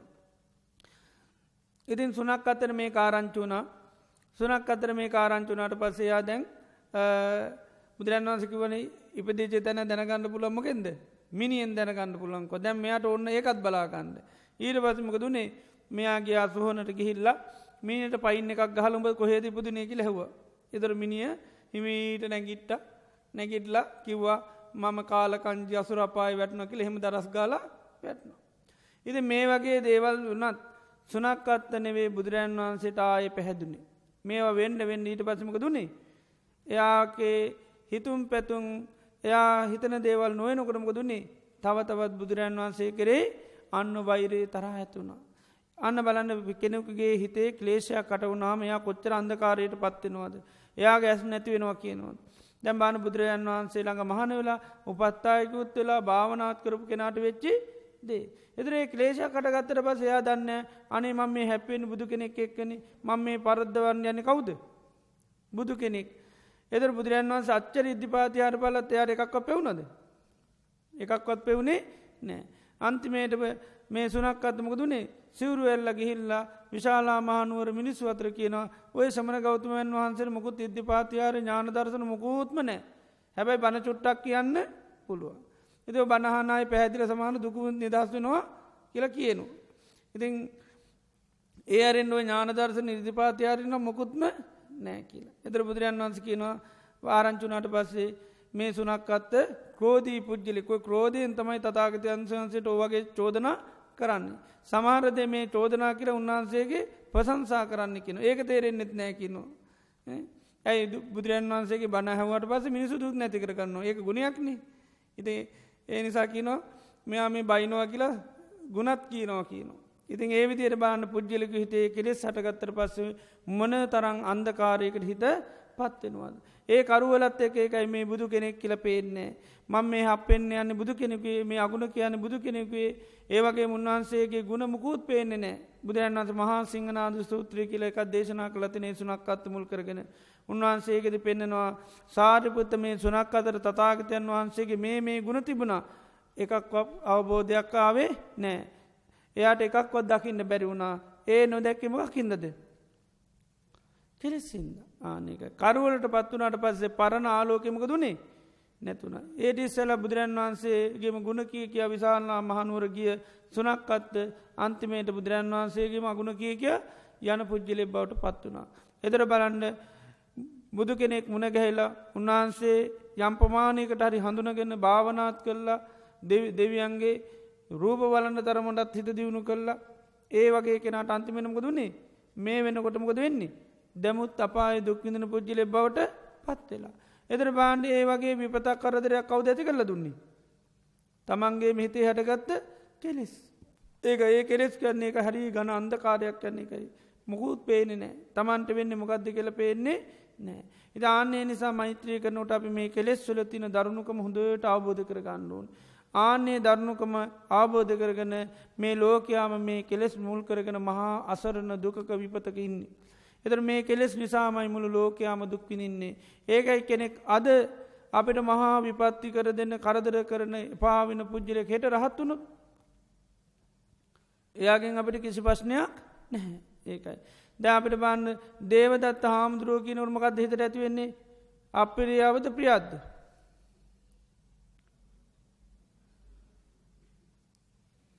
අංගුලි මාල හාමුදුරුව කිව්වොත් මොකත් ඇත්වීන්. ප්‍රියතාවයද ප්‍රියතාවයද ප්‍රියතාවය නේද? එතර බාන අංගුලි මාලකයන ඇත්තරම ලස්සන නමත්ද ලස්සන නමක් නේවේ. එතට අංගුලි මාල බැ අංගුලි මාල ඇටට මැරුණනම් බැරිවිලාවත් ඒ නමකද වෙන්නේ. ඔය මිනිමරණ මිනිසු දැක්කහම කියයි මුූත් මහ අංගුලි මාලයක් කියයි. නේද? ද අපි වෛර කරන අපට වද දෙන්න හිංසා කරනයට අපි ගැන මූ මහා දේවදත්තයෙක් බොරු චෝදන අපහස කරු මේක මහා චිංචිමානිකාව නේද? වද දස වද දෙනකු මූ මහා අජාසත්තෙක් නේද? එහෙම කියනවනේ. දැන් හැබැයි මිනිමරණයට කවරුත් කියනත් මූ මහා අංගුලිමාලයක් කියලකිනවද එහෙම කියන්නේ නෑ. හැබැයි එහෙම නොකිය ඉන්න මොකක් වුණානන් ඕ අංගුලි මාලත් කෙලෙස් සහකත මැරුණනම් මොක දෙන්නේ ඒනම් අපි ඒ විදියට කියන. එතර බාන අංගුලි මාල සයින්න්සේ කෙලෙස් නැතිවුණු ගමන් යාගේ පරණ ජීවිත අපට දැ මතකත් නෑ. අපිට ඒවසී වෙන්න මිනි ඇගිලි කපුවා මතක් වෙන්නේ න අපිට මතක් වෙන්න මොකක්ද. කරපු සත්‍යයක් ක්‍රියාව නිකලෙස් භාවි නිවන් දැක්ක එක එවනි මතක් වෙන්න ආනෙ කරවත් දන්නවා නමුත් ඒවාපිට එක පාටම සියට එන්නේ නෑ. ද අපි සත්‍යයක් එයා කරන මේ බාලොප දින්න එත මිනි මරපු කෙනෙක් තමයි දැන් සහි කරන්න. ළමයි උපද්දෝ ගන්න. නේද දැ කවරකිවත්ම දන්න ඇතික ඔය මිනිමරුවට නිසි කරන්න කියලා. අපට එම හැකිමත්ති නොද එහෙම එක නෑ. එතර බාන්න පුද්ජලෙකුවේ කෙලෙස් නැතුනාට පස්සේ යාගේ ගමේ පස්නෙකුත් නෑ නමේ පස්නෙකුත් නෑ කරපු ඒවෝ පස්නෙකුත් එදන මේ කෙස් දිනතා කල්තම පශ්නටි කොක්කම තියෙන් දැන් දේවදත්ත කියන්නේ පාලි භාෂාව හැටිට නරක නමද ලසන නමද. මොකක්ද නම? ලස්සන නමත් දේව කියන්න උතුම්. අර්ථ දෙහකින් කියන්න පුළන් දේව කියන්න උතුන් දත්ත කියන්නේ හික්මුණා.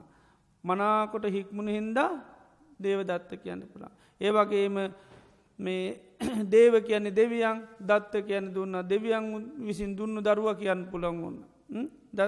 එතට අර්ථ කීපයකින් ගන්න පුළන් මොනාර්ථයෙන් ගත්තත් නරකද.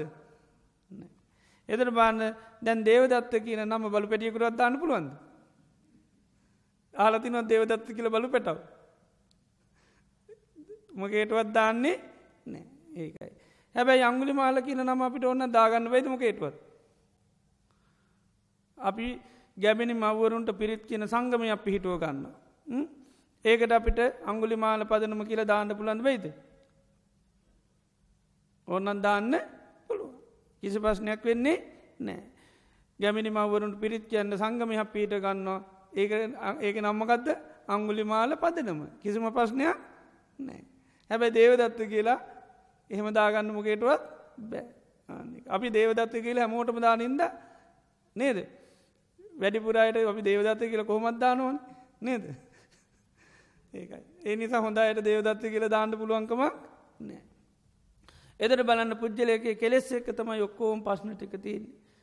පුද්ජලයා දෝෂයක් වෙන්නේ නම දෝෂයක් වෙන්නේ ගම දෝෂයක් වෙන්න ඔක්කෝ මොකත් තින තාත්ද ආන කෙලෙස් අර ලෙඩා වගේ තමයි ඔක්කොම දෝෂ තියෙන මොකත් තින තාකද ලෙඩේ තියෙන තාක. එති එනිසා මෛත්‍රී භාවනා කරනකොට අන්න අපි මේ පුද්ජලයකුයේ දෝෂයක් ඇති නැතුව මේවා කෙලෙස් දෝෂයක් හැටි දකිින් ඕන්. කෙලෙස් නැතුනාම් ගමන් පුද්ජලයන්ගේ කිසිම දෝෂයක් ඇත්තේ නැහැ ඒකයි. ඉති එනිසා ඒ විදිට අවබෝධ කරගෙන අපිට මෛත්‍රී වඩන්න ඕන ඒක තමයි බුදුරජාන් වහන්සේත් කන්නේමිත සූත්‍රයට පෙන්න්නන්නේ ඒ කෙලෙස් රෝග සනීප වෙන්නන්න හිතින් මෙත් සිත් වඩන්න කියනවා. කෝමද නපරෝ පරන්නි කුබ්බේත ඥාතිමං්්‍යේත කත්ත චිනංකංචි ්‍යාරෝසනා පටික සංඥා ඥාඥමං්ඥස්ස දුක්ක මිච්චේය. මේවත් මිනිසුන්ගේ තින ලෙඩ ඒ ලෙඩ නැතිවෙන්න තමයි අපේ මෙස්සිත පතුරුවන්නේ. නපරෝ පරන් නිකුබ්බේත තව කෙනෙ තව කෙනෙකුට අවමං කරන්න එපා. කුපිත කරන්න එපාකිට අවමංකරොත්මකද වෙන්නේ. කුපිත වෙනවා. එනිසාකින අනේ තව කෙනෙක් තව කෙනෙක්කුට අවමං කරන්න නම් එපා. කරන්න ඕනෙමකක්ද. බුහුමං කරන්න ගෞරුව කරන්න. දැ මිනිසුන්ට හිත්වල තියෙනමකක්ද ලෙඩේ ගෞරුව කරන එකක්ද අවමං කරන එකක්ද. හම්බුනොත්තේම දෙතුන් දෙනෙක් මොකක්ද කරන්නේ. තව කෙනෙක් කල්ලගෙන ගෞරුව වෙන විදිරද කතා කරන්න. ප්‍රියතාව ඇතිවන විදිරට කතා කරන්න. නෑ. අප්‍රිය අප්‍රසන්න වෙන විදිට කතා කරන්න. නේද. එදරාන්න මොකදන ගෞරව කරන්න හිතෙන්නේ එදර ඒවිදිී ලෙඩ තියෙන මිනිස්සුන්ට ගුණ කියන්න හරි අමාරුයි. ගුණ කතා කරන්න හරි අමාරුයි. හැබැයි අගුණ කතා කරන්න කිසි පස්්නයක් පැය ගනම් ඕන තරන් කතා කරන්න පුළන් ගුණයක් කතා කරන්න හරි අමාරු ආන්නේකයි. ගුණ පේන්නේ පේන්නේම අගුණ. එක ඒක ලෙඩේ හැටි. කරන්න දෙයක් ඒ ලෙඩ ලෙඩ්ඩුන්ටත් එහෙමනි. ඒක ඒ වගේ තමයි. කෙලෙස් රෝගවල ස්වභාවයක්. ගුණ පේන්නේ නෑ පේන්නේම අගුණ. ඒක අගුණ පේෙන් ඒ ඒක කෙලෙස්වල තින ගතියක්. ඒක ලෙඩක් හැටියට බුදුරන් වන්ස පෙන නිසා ලෙඩේ සනී පෙන්ලෝනි ඒ ලෙඩේ තිනකම් මුළු ලෝකෙනමකද වෙන්නේ? මහා අනර්ථයක් විපතක්මයි. ඒ නිසා තමයි සමාජයේ දේවල් මිනිසුන්ට කරගෙන යන්න බැරි. මේ මිනිස්සු නිතරම දකින්නේ ගුණනෙවේ ඒකයි අගුණ පේෙන් ඒකයි බුදුරන් වහන්සේලාගෙත් ඒ කාල වැඩිපුර මිනිසුමකද දැක්කේ? අගුණ. ගුණ දැක්කේ අයට වැඩි අගුණ ගත්්‍යය තමයි වැඩි. ඒකයි. එතට ඒවිදියට ඒක මිනිස්සුන්ට තියෙන අසනීප ස්වභාවයක්. ඒකයි. අසනී පැහැදුනම් පස පේන්නේම වැඩදි තමයි ගුණ පේන්නේ. ඒ ඒ නිසාන්න මෛත්‍රී කරන කෙන එකයි. අනේ තව කෙනෙ තව කෙනෙකුට අවමං කරන්න එපා කියන එකයි. තව කෙනෙකුට මොකද කරන්න ඕනි බුහුමං කරන්න ඕනි. ඒ ඊළඟට ඥාති මං්්‍යේස කත්ත කිනන්කංචි කිසි තැනක කිසි කෙනෙක් ඉක්මවා යන්න හදන්න එපා. කිසි කෙනෙ කිසි තැන ඉක්මවා යන්න හදන්න එපා. එතර මිනිසුන්ට තින තවල්ලට අත්තමයි මොකක්ද කවුරුවෙන්ඩද කැමති. පලවිනිිය වෙන්ඩ. පලවිනිිය වෙන්ඩ තමයි ඔක්කෝට මෝනි ති පලවිනිිය වෙන්ඩ බෑන් ලෝක ඉරවසමකද වෙන්නේ. ඔක්කෝට මෝනි පලවෙනි පුටුවට අනිති පලවෙනි පුටි ඔක්කොම ඉඳගන්න බෑන. ඉඳගත්තකන් අනිත් ඇමකද ගන්න තල්ලු කරලා ඉඳගන්න ඒකයි. ඉද එනිසා හැමෝටම තියෙන් ලෙඩක්. කතා බහක් කරන්න ගියත් මොකද වෙන්නේ. කතා කරන්න ගියත් පලවිනිිය වෙන්න ඕනි. හැම තැනම අපිට ඕනි පලවිනිිය වෙන්න. ති පලවිනිිය වෙන්න ගන් හරිම අරුබ දෙයක් ලෝකෙටම. ඒක මිනිස්සුන්ට තියෙන අසනීප. ඒකයි. ඒ නිසා ආනේ නිසා මෛත්‍රී කරන්නේ එකයි තව කෙනෙක් තව කෙනෙක් ඉක්මවා යන්න නම් එපා. ඉක්මායෑම මොකක්ද දුක. දැරහතන් වහන්සලට එමති නොද නෑ. තව කෙනෙක් ඉක්මායාමේ ලෙඩක් නෑ. උන්වහන්සලට ඕනි වෙලාක දෙවන්නෙක් වෙන්න පුළුවන් බයිද? පුළුවන්. දෙකට එන්ඩ පුළුවන් ඕනතන එකට එන්ඩ අවශ්‍යතාවයක් නැහැ. ඒ මස නීපකන් රාතන් වහන්සේලාට නැහැ. අපි දන්වන් සැරියුත් මහරාතන් වහන්සේට බිස්සූන් වහන්සේ නමක් භාගිතුන් වහන්සේ ළඟට ගිහිල්ලා චෝදනාවක් කරනවා. ස්වාමීණී සාඩිපුත්තයන් වහන්ස මගේ අගේ හැප්පිලා සමහවගන්නතු චාරිකාව ගියානි කියල බුදුරජාන් වහන්සට දැන් චෝදනාවක් ඉදිරිපත් කරනවා. දැ බුදුරජාන් වහන්සමකද කරේ අරයට තැන දුන්නද නැද්ද. එයාට අංක එකට ඉන්න දුන්නද නැද්ද දුන්න. බුදුරන් වන්සේ ලෝකත්තින යන යන්න බන්දන්න ඇද සාරිපුත්ත ගැන එනවා මේ බොරු චෝදනාකාන් ද බුදුරන් වන්සේ දන්නවන මේක ඇත්තද නැද්ද කියල දන්නවද නැද්ද දන්න මේක බොරු චෝදනාවක් කියල හොඳටම දන්න. නමුත් බුදුරන් වහන්සමකද කරේ. අරයට තැන දුන්නා ඉඩ දුන්නා. මහාලොකු නඩුවක් පයිල් කරා වගේ. ඊට වසමකද කරන්නේ. බුදුරජාන් වන්ස බිස්සුකට කතා කරලක බිස්සු මෙහෙන්නේ වහාම සාරිපුත්‍ර එන්න කියන්න දැන් කොහෙද යන්න සාරිපුත්ත මහරතන් වන්ස. චාරිකාව කියනවා ධර්ම චාරිකාවක් යන බණ කියන්න යන මිනිස්සුන්ට ඒ ගමන දැන් අතර කරලා එන්ඩ කියනවා. ඉතින් ඊට පස්සමක දුන්නේ සාරිපුත්ත මහරතන් වහන්ස දැන් ඔන්න අර පනිවිඩේ ගිය ගමමක දුනේ ආපසු වැරිලා ඇවිල්ල බුදුරජාන් වන්සට වන්දනා කරලා හිටිය. දැන් උකෝම හිටිය. අර බිසුන් වහන්සෙත් හිටිය. දැම් බුදුරජාණන් වහන්සේ සාරිපුත්ත මහරතන් වහන්සේට මතක් කරනවා සාරිපුත්ත මේ බිශ්ුව කියනවා ඔබ මේ විශ්ුවගේ ඇගේ හැප්පිලා සමහව ගන්න ඇතුව චාරිකාවගේ ඇත්තද? කිලැහව. ද උත්තර දෙන්න ලේසි ද පහදුද. ලේසි. අනේ ස්වාමිනි මං එහෙම දෙයක් කරේ නෑ. එදට මේ විශ්ව කිය නොන ඔබ කරා කියලා අනේ ස්වාමිනි නම් අහන්ඩුක මේ පන්සිය කවුදුර හිටියන මාත්තෙක්ක. නේද. සාකීර කෙලිම ඉදිරිපත් කරන්න පුළුවන්. ඒම නැත්තන් කියන්න පුළන් ඇයි භාගතුන් වන්සේ අනුන්ගේ හිද්දාකි නොන්නේ. භාගතුන් වන් දන්නවනම නැත් කරාද නැද්ද කියලා. නේද. දැඒ මහන්ඩ පුළන් දැ බුදුරන් වන්සේ මුකුත් සාරිපුත්‍ර මාරාතන් වන්සේ වගේ මුකුත් කියන්න කියන උත්තර දුන්න ඒකට. ඒ අහප පස්සට මුකුත් උත්තර දෙන්න ඇතුව උන්වහන්ස මෙන්න මේ විදිරි කියනවා ස්වාමීනී කෙනෙකුට කායගතා සතිය නැත්තං කයි පිළිබඳු සිහිය නැත්තං ආනේ වගේ කෙනෙක් සබ්‍රමචාරීන් වහන්සේ නමක්ගේ ඇගේ හැපිට සමහව ගන්න ඇතුව යන්න පුළුවන්. මොකක් නැති කෙනෙකුරුද සහ නැති කෙනෙකුට. සහ නැති කෙනෙන්නම් එහ වෙන්න පුළුවන්.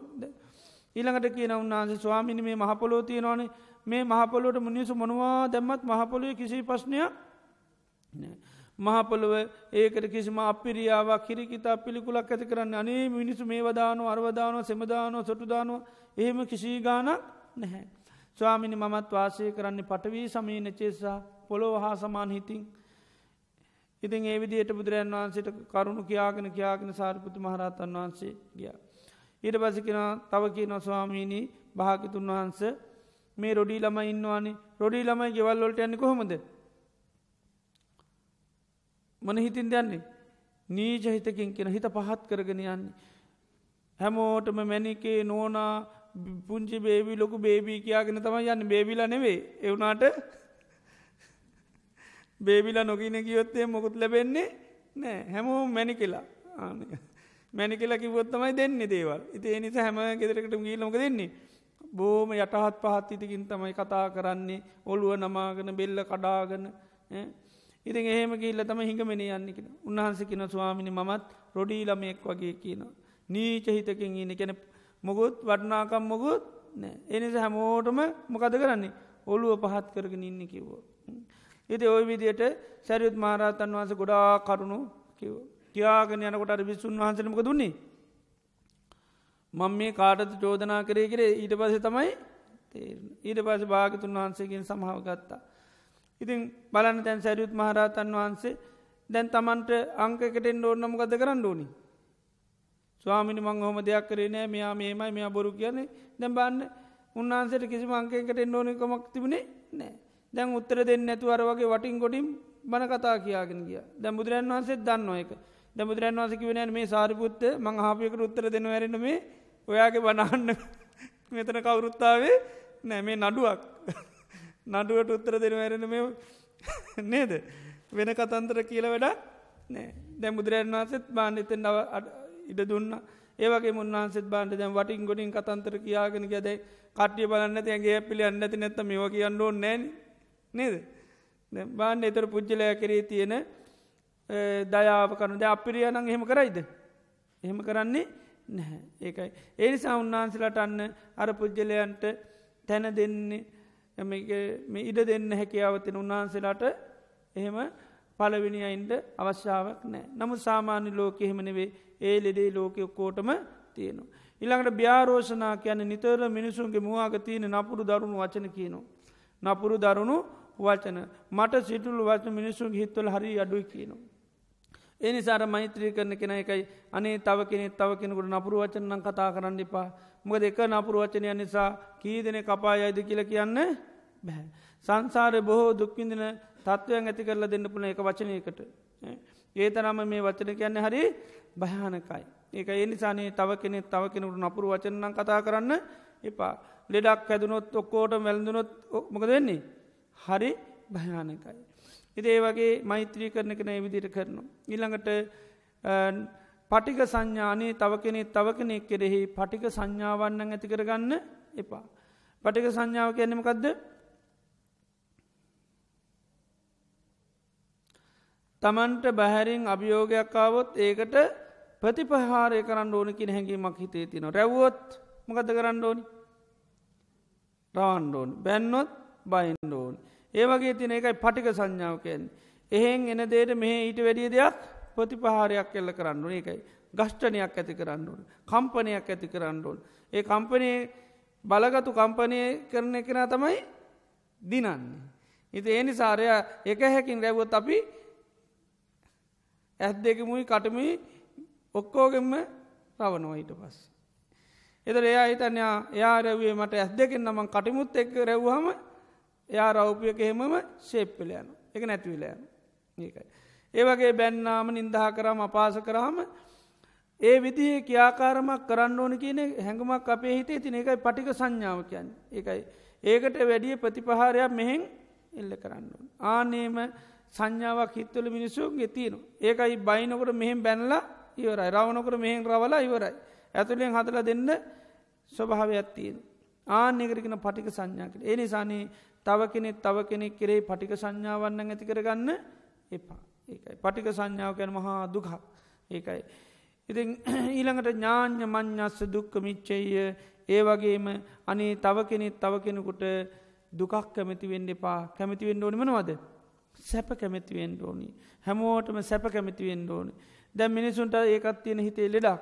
මිනිස්සු අන්න අයට වැඩියම කැමති මනෝ පද්දුවන්ටද දුක් උපදවන්න. රිද්දන්ඩ පලිගණ්ඩ තමයි හරි කැමැති. දැම් මේ රිද්දන්ට පලිගණ්ඩ හිතේ කැමැත්තන් නැත්තම් මිනිසුන්ට වෛරය තරහමනාපකම ඕනෙද. ඕනි කෙනෙක් තමන්ට බයිනෝ දැන් තමන්ට පෙරලා බයින්ඩ ඕන්න පෙරලා බයින්ඩ ඕන්න නැත්තං අමනාපකමක් හිතට ඕනිද? ඕනි නෑ. එතොට ඒ අමනාපකම හිතේ පවත්තන්න මොකටද? බයින්ඩ. කේන්ති නතු බයින්න බෑන්. ඒනිසා කේන්ති ඕනේ බයින් පලිගන්න බෑන කේන්ති යන්න තු නිකම් පලිගන්න පුළුවන්ද බෑ. ඒ නිසා රිද්ධන්න පලිගන්න ඔක්කෝට මොකක් දෝනි කේන්ති වූන්. ඒනිසා බුදුරජාන් වන්සේ පෙන්නෙනවා කේන්තිය කියන්නේ හරියට විස සහිත කටු ගහක් වගේ කියනවා. හැබැයි මේ විසසහිත කටුගහේ තින මිහිරි පලයක්. ඒ පලය හරිම මිහිරි ඒක කෑපුවාම ලෙඩ හැදෙන්න මැරෙන්න ඒ වගේ මහා බල සම්පන්න පැල ඒක මේ පලයක් හැබැයි කොහෙද තියෙන්නේ හැදිලා කටු ගහේ. හැබැයි පලේ වර්ණා කරනකට අර විදිහට කටුමකද වෙන්නේ. කටු අමතක වෙනවා. ඊට පස්සේ පලේ නිලාගන්න කොහෙද නගින්න වෙන්නේ. කටු ගහේ. පලේ නිලාගන්නකං යා කටු ගහයි නකලා පලේ නිලාගන්න හැබැයි විස සහිත කටු ගහක නගින්නේ. සාමාන්‍යකට නෙවේ. ඇනිච්චි ගමන් එයා එක්කො මරණය මරණාසන්න දුක. ආන්නේ වගේ කියන බුදුරන් වන්සේ මේ දේශය වෛරයේ තරහා කියන්නෙත් විස සහිත කටු ගහක් වගේ කෙන. ඒකෙත් තින මිහිරි පලයක් මකද මිහිරි පලේ රිද්දන්ඩ පලිගණ්ඩ තින කැමැත් ඔය පලේ නිලාගන්න නේද මිනිසු වෛරයෙන් ඉන්නේ. කෙනෙක් වර දක්කනකට සමාව දෙන්න පුළුවන්න. හැම වෙලේම සමහාව දෙනවා. අර පොඩිකාල ළමයිට දෙන්නේ වගේ. එහෙම දෙන්න පුළුවන්න වෛරයත් තරහක් ඕනි නෑ ද චූටි කාලේ දැම් බලන්න අපිට මේ ලෝක වැඩියම නිදාගණඩ දිල නැත්ත කවුද කාවෙනියෙන්ද වැඩියෙන් අතහෝදගෙන තියෙන්නේ? කාවෙනියෙන්ද කණ්ඩ ගත්ත බත බිමෙන් තියලා අතෝගෙන තියෙන කාවෙනුවෙන්ද අල්ලපු ගෙදර හින්දද? තරහකාරු හින්දද? එතට හොඳ නිදිකටලා තියෙන කවුද? හොඳට සුවසේ නින්දයාගෙන යනකට මේ ඒ නිදිකරලා තියෙන කවුද? බැනුකොයිද වෛරක්කාරයද? නෑ. කවුදේ දරු. එදර දරුව ඒ වගේ අපිට දේවල් කරලා තියෙන. දරුවෝ ඒ වගේ දේවල් කරනෝට අපි අවබෝධ කරගෙන තියෙනවා දරුවෝ ඒ දේවල් කරේ ඇයි. ඒ අයගේ අසරණකමකට දුකකට මිසක්කා අපේ නින්ද කඩන්න නෙවේ. ඒ නිසා අපි හැමවෙලේ මේ අයට සමාව දුන්නද නැද්ද. උඹත් ලොකුවයන් උඹට මන් නිදාකන්න දෙන්නේ නෑ. එහෙම පලිගන්න හිතේ තියාගත්තද. උඹටත් මේ නින්ද තින වටනාකම් මන් දවසක කියල දෙන්නම් කියලා එහෙම හිතේ තියාගන නිදි කරන්න කියද ලොකුන් හාමවන්. ඒම කරන්න යන්නේ නොතේරුම් කරමට කරපුවාට මනවාද කරේ සමාව දුන්න. සමාව දුන්නින්ද එකක්වත් දැන් හිතේ තියෙනවද ඒකයි. මේ ලෝක අපේ ඇඟ කීරි ගස්සන වැඩ වැඩියෙන් කරලා තින කවුද දරු. ඇක රත්වෙලා පිච්චිල යන වැඩ නේද ඒ වැඩියෙන් කරලා තියෙන්නේ ළමයි. එදර බාන්ඩ ඒ වගේ කිසිම දෙයක් අපේ හිත්වල තියාගෙන අපි දැංගුව මේ පලි ගණ්ඩ එහෙම මොකුත් අපේ හිතේ නෑ ආනෙ. මොකද ඒ ළමයි ඒව කරේ අපේ නිදි කඩන්ඩුවත් අපිට දුක් දෙන්නුවත් වද දෙන්නුවත් නෙවෙයි මොකේටද. යාගේ අසරණකම නිසා. එයාගේ අසරණකමට කරපු දෙයක් මිසක් අපිට කරපු දෙයක් නෙවේ. අපි ඒක දන්නවා. එයා අසන්න තත්ත්වයක ඉඳල කරපු දෙයක් එයාට පොඩි ළමයකුට තියෙන්නේ එකම එක අවී අයිමකක්ද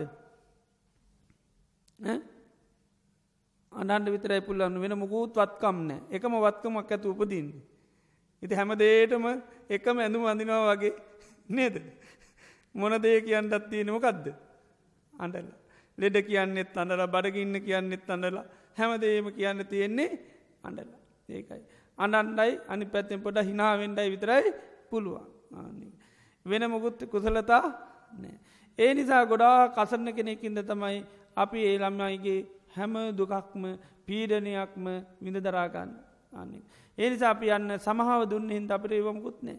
ආනේ වගේ තමයි ලෝකයා කරන දේවල් එක අපි අර මේකත් ලෝකයාගේ මේ අසරණකමක් එක කරන එකක් මිසක්කා වෙන දේකට කරනවා නෙවේ.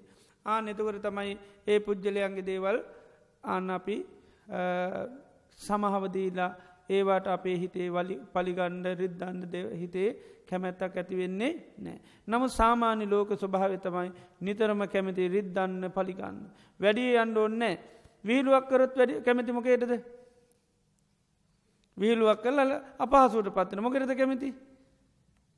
මාත් දවසක ඔයාට ඕ වීලුවක් කරන්නම් කියලා කියනවද නැත්ත කියන. මොකරදේ සතුරක් ඇති කරන්න දෙයට අපහසුවට පත් කරන්න. එද අපිට අපාසුට පත් කරට අපි ඒකට කැමතිත් නෑ. ඒකටත් අපි අපි කටින්ම කියනවා මමත් දවස කොයාට කරන්න. ඒම ඒ වගේම දවස කරලා නිකං ඉන්නවාද. නෑ. ඇයි අන්නේ ඔයා එහෙම කර ඇයිවයට මතක නැත්ත මටත් කරන්න නේද. ඒ විදිේ ස්වභාවයක් මේ හිතේ තිය නිතර මර රිද්දන්න පලිගන්න කැමැත්තක් හිතේ තියෙනවා.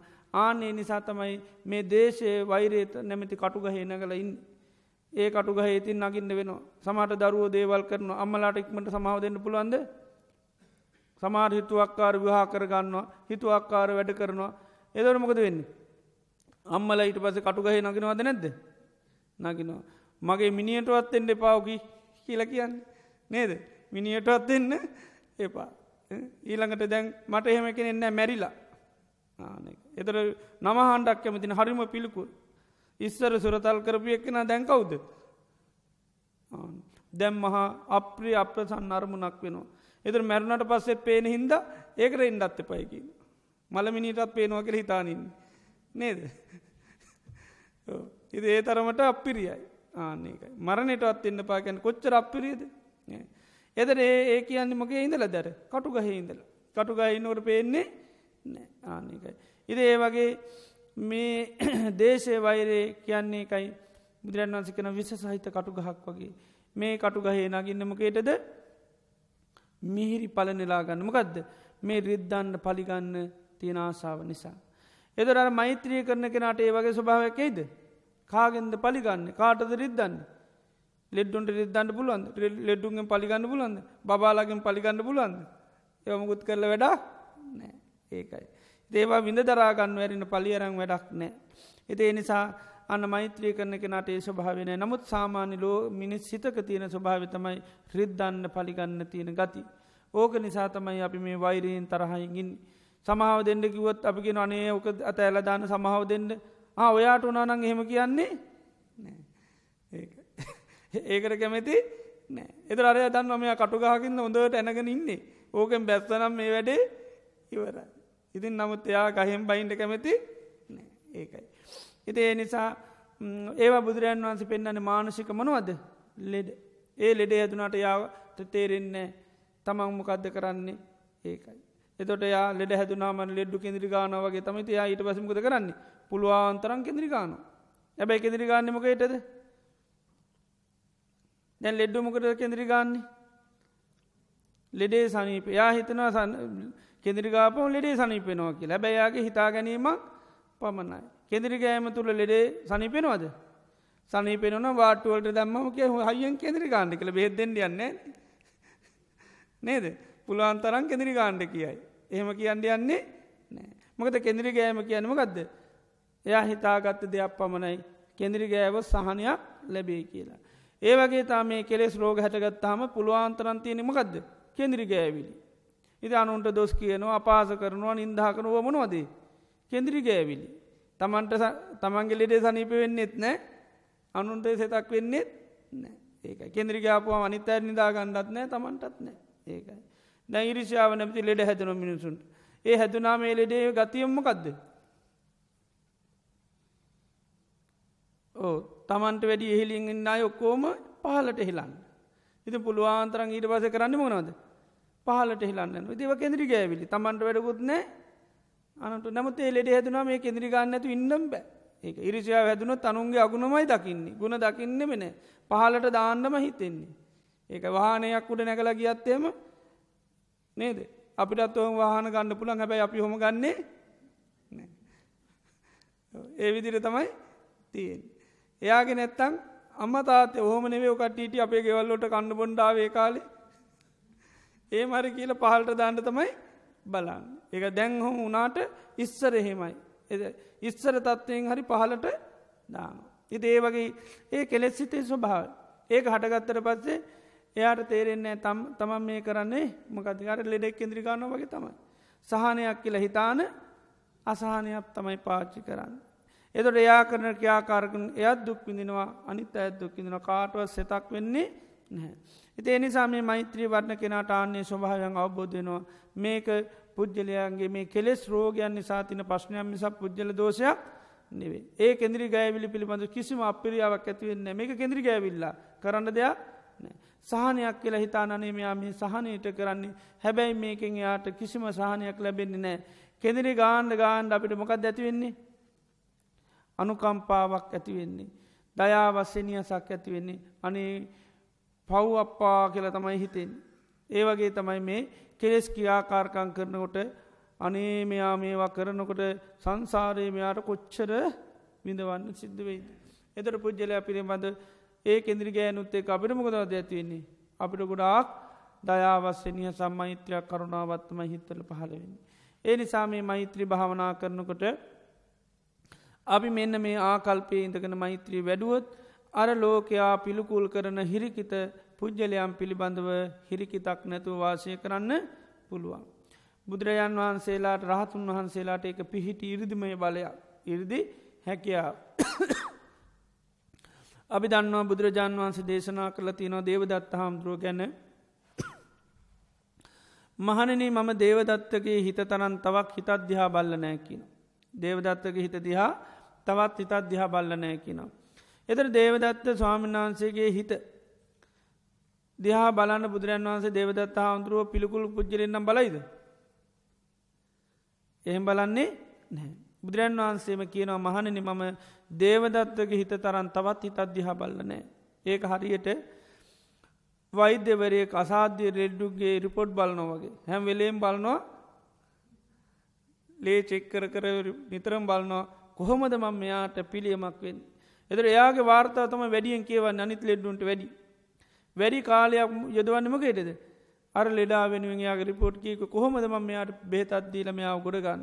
ආන්නේ වගේ තම බුදුරජන් වහන්සේට දේවදත්ත කියන ලෝකයේ කවුද ලොකුම ලෙඩා. එයාට තරන් දරුණු අසනී පනිත්තයට හැදිලනෑ එයාට හැදිල තියෙනෙක ලෝක කාටුවත් හැදිචි නැති ලෙඩා. ඒ ලෙඩේමකක්ද. බුදුවීම ආසාාව. බුදුවීම බුදුුවෙන් ඕනිකි නාසා සිතිවිල්ල ඒක තරන් තවත් රෝගයක් කාටුවත් වැලඳිලා ඒ රෝගේ පුන තරං අන්දකාර උනානං ද කිව්වොත් එයා හිතුවා බුදුරජන් වහන්සේ පින්වම් පාකරගත්තොත් කවුද බුදු වෙන්නේ. මම තමයි බුදුවෙන් කොච්චර අන්දකාරයදි කියල බාන් බුදුරන් වහන්ස කොච්චර දුක හිතෙන් ඇද නේද. මෙයා තරං කරුවලක ඉන්න කෙනෙත් තවත් නෑ. මෙයා තරං ඇස් නැති කෙනෙ මේ ලෝකේ තවත් නෑ. මෙයා තරන් පොඩිළමේ තවත් නෑ. මෙයා තරන් තවත් දුකට පච්චච්චි කෙනෙක් නෑ. ඉති ඒ නිසා තමයි බුදුරන් වහන්සේ එයාගේ දුක් වලින් නිදහස් කරන්න වෑයන් කර උපමාවකට කියන්නවා මහනනි අසූච වලකට මනුස්සයෙක් වැටෙනවා. කරුණාවන්ත මනුෂයකුට දකිනොම මේක දැක්ක ගාන් එයා ගිල්ල වටට කැරෙක් කැරෙක බලනවා මේ මනුෂයා ගුඩ ගන්න මොනහරි තියෙනවද කියලා. කෙස්තුර දක්වත් තියෙනවා දැදල ගණ්ඩ. එදර මොකද වෙන්නේ වටේට කැරගෙන මුකුත් පේන්නේ නැහැ. ඒවගේ කියන මහන්නේ නිතරම තතාගතයන් වහන්සේ දේවදත්ත හිත බලනවා බලන බල්ල බල්ල අන්තිමේටම පේනවා දේවදත්ත ගොඩ ගන්න පුළුවන් කෙනෙක් නෙවේ. ඊට පස එයාට ලේබලයක් ගහනවා. මොකදද. අතේ කිච්ච. පිළියන් කරන්න බෑ. සමාරු දොත්තල්ල බල්ල බල්ල කරන්න පැරුගන් කියන මෙයා දැන් සුව කරන්න බැරි ලෙඩෙක්. ආය ඊට පස එයාගේ වාර්තා බලන්නේ ඒව බලන්ඩ යන්න එයාට බේත් නියම කරන්න එයා තියන කරම මෙයා සුව කරන්න බැරි ලෙඩෙක්. බුදුරන් වහන්සෙත් ඒ වගේ දේවදත්ත ගැන බලල බල අන්තිමේට ශීලයක් ඇව දේවදත්ත කියන්නේ අපායිකෝ නේරයිකෝ අතේ කිච්චෝ කියලා එකයි. නිරේ යන අපාය යන ඊළඟට පිළියං කරන්න බැරි අසාධ්‍ය රෝගයෙක් වුණා ආය කරන්න දෙයක් නැහැ. එතුරේ කුසල මූලේ නැත්තර නැතිවනකම් බුදුරන් වන්සයා දිහ බැලුව.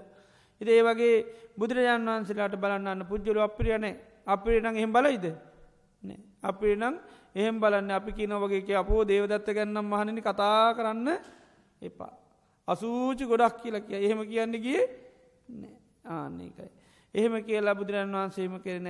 එදර බුදුරජාණන් වහන්සේට දේවදත්ත හාමුදුරුව කරේ අප්‍රියාවක් අප්‍රසන්නකමත් තිබුණේ නෑ. ආනේ නිසාම දේවදත්ත හාමුදුරුටත් බුදුරජාන් වහන්සේ කරේ අන්තිම මොහොතේ හරි පැහැදීමක් ඇතිවුණාද නැද්ද. ඇතුනාද නැද්ද ඇති වුණ. ඒ නිසා තමයි මොකක් දුනේ සමහාව ගන්න ඕනි කියලා හිතුන්නේ. නමුත් එයා සමහාව දෙන්න පුළන් වැඩ කරපු කෙනෙක් නෙවේ ඒකයි. එදර බුදුරජාණන් වහන්සේ ඒ වගේ උන්වහන්සේලාට එයාගේ කෙලෙස් වල දරුණුකම දැක්ක නිසා අන්න බුදුරන් වහන්සට එයා ප්‍රියවුණේ නෑ. එයාට ප්‍රිය වුණා ඒකයි මේ මෛත්‍ර භාවන ආනිසංසයක් යන්නේ මෛත්‍රී කරන කෙනා මනුෂ්‍යානම් පියෝහෝති කෙන මනුෂ්‍යයන්ට කවද වෙන්නේ. ප්‍රිය පුද්ජලයෙක් වන අප්‍රිය අප්‍රසන්න පුද්ජලයෙක් වෙන්නේ නෑ. ඇයි මෛත්‍රී කරන කෙනා මේ ලෝකට ප්‍රිය පුද්ජලෙක් වෙන්නේ.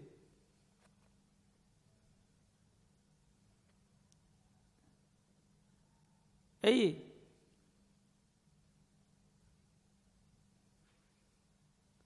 එයාට ලෝකයේ පුද්ජලයෝ ප්‍රිය නිසා.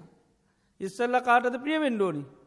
අපිට ප්‍රියවෙන්න මෛත්‍රය කරන කෙන මුණු ලෝකයෙන් ප්‍රිය මකද අප්‍රිය කවුරුත් නෑ. මොකද ලෙඩ්ඩුන්ගේ පස්්නයන්නේ ලෙඩාගේ පස්්නයක්. ඒ නිසා ලෙඩ්ඩුන්ට හිනාවෙන්න බැරි පස්්නයක් නෑ. ලෙඩ්ඩුන්ට සලකන්න බැරි පස්්නයක් නෑ.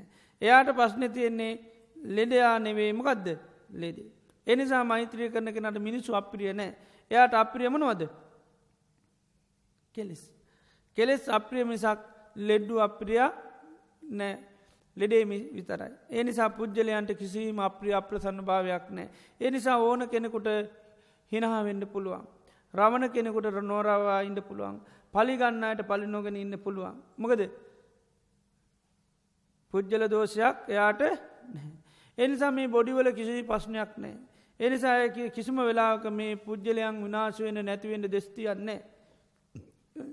සාමාන්‍යෙන් වෛරයෙන් තරහගන්න අය තම කට හොඳක් වෙන්න පාහින ගහන්ඩෝනි අරහෙමමකද ලෙඩා පස්්නයක් කරගත්ත ඇයට තම එක තින්. ලෙඩා පස්්නයක් කරගත් ඇර ලෙඩාතියාගත්තම් හරිකර දෙරයන්නත ඉංජෙසනයක් ගහනවා ඌමැත්ලයන්න. ඒ වගේ තමයි වෛරයෙන් තරහහින්න අයටත් ලෙඩාවක් පස්්නයක් කරගන්න වගේ පුද්ජලයෝ දෝෂයක් කරගන්න මේ බොඩි පස්නයක් කරගන්න. නිසා ඕකුන්ට හින ගහන්ඩ ඕනි හොදක් වෙන්න එපා. දේ ඉතන්න මේ අයි මැරල ගියාම ඔක්කොම ආනකයි. එද යන්න මෛත්‍රී කරන කෙනට එහෙමෙන්න මක දෙයා දන්න මේක පුද්ජල දෝෂයක් මේ බොඩිවල පස්්නයක් නෑ. තියෙන්නේ පශ්නමකේද. එංජි මේ දෝෂයක් තියෙන්. එන්ජින්ටික හරිගයාට පස්සේ බොඩිය මොකක්කු නත් පස්්නයක් නෑ ඒකයි. ඉතිේ නිසාන්න හිතේ තියෙන කෙලෙස් නිසා දෝෂය නිසා පුද්ජල දෝෂයන්න. ඒ නිසා ඕ කිසිම කෙනෙකුට රවන්න ඇතුව අවලාද කියන්න ඇතුව නින්දහා කරන්න ඇතුව අපහස කරන්න ඇතුව තැනින් තැන ගිල්ල අගුණ කියන්න ඇතු ඉන්න තත්වයක් පුළ මුද පුද්ජල දෝෂයක් පෙන්නේ පුද්ජලයාගේ අගුණ කියන්න යන්නේ නෑ කිව්වොත් කියන්නේ කතා කරත් කතා කරන්නනේ යාගේ පස්්නයන්න වේ කෙලෙස්වල පස්්නයක්. එයා හිට රහත්වනොත් එයාගේ දෝෂයක් ඇත්තේම නෑ ආනෙක. ඒ නිසා පුද්ජලයන්ට කිසිසේත් වේචනය කරන්න නින්දා කරන්න අපහස කරන්න යන්න. එතුර අනිත් අයටමකද වෙන්නේ. අනිත් අයට තේරෙනවා මෙයා මට කොච්චර මාත්‍ය එක්ක මං මෙයා තරහකාරයකද යාමට තරහ පෙන්න්නන්නේ නෑ මගේ අගුණ කොහෙවත් කියන්න ඇගුණ කියනවම සක්කා. ආන එතකොට තමයි එයාට ලෝකයා පියනකොට මිනිස්සු ටික ටික ටිකමකද වෙන්නේ ආන්‍යයාට ප්‍රිය වෙනවා. එයාට රැව්වට කවදාකත් රවන්න අගුණ කිව්වට අගුණ කියන්නේ අපහස කරාට අපහස කරන්නේ නොඒක් වද හිංසා කරට කිසිම වද හිංසාවක් එයා කරන්න යන්නේ නෑ. එයත් කරනවා මොකදද. හිතින් දෙස්තියෙනවා මොකේටද කෙලෙස් නැතිවලන්ඩ වෛර නැත්තෝ වෙත්වා තරහ නැත්තෝ වෙත්වර හෙන ගහපං වගේ. නේද? ඔය හිතේ තියෙන වෛරය නැතිවේවා තරහා නැතිවේවා ඉරිෂාව නැතිවේවා නපුරුකම නැතිවේවා එ ඒකර තම හිතින් තියෙන් එති ඒ නිසායක් බොඩියට මුකුත් කරන්න යන්නේ නෑ. දොස්තර වගේ ලෙඩේ සනීප කරන ඇරෙන්ඩ ලෙඩාට අත තියන්නේ නෑ.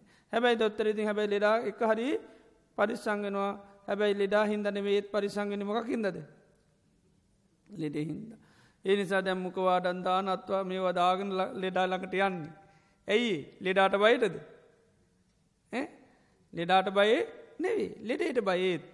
ඒ වගේ තමයි බුදුරන් වන්සෙත් කිය නොන සේවනාච බාලනං කියලා ඒ ඇනමකද. පුද්ජුරියෝන්ගේ තින ප්‍රශ්නයකින් දනවේ එයාගේ කෙලෙස් රෝග නිසා එයා බාල බවට පත්වල ඒ නිසා ඒ අය අන්න ඇසුරු කිරීම මෙ කරන්න පාකර. ඒ වගේ මෛත්‍රී කරනකොටත් ඒමයි පුද්ජලයාගේ කෙලෙස් වලට බයවෙනම සකායේත් පුද්ජලට බය වෙන්නේ නැහැ.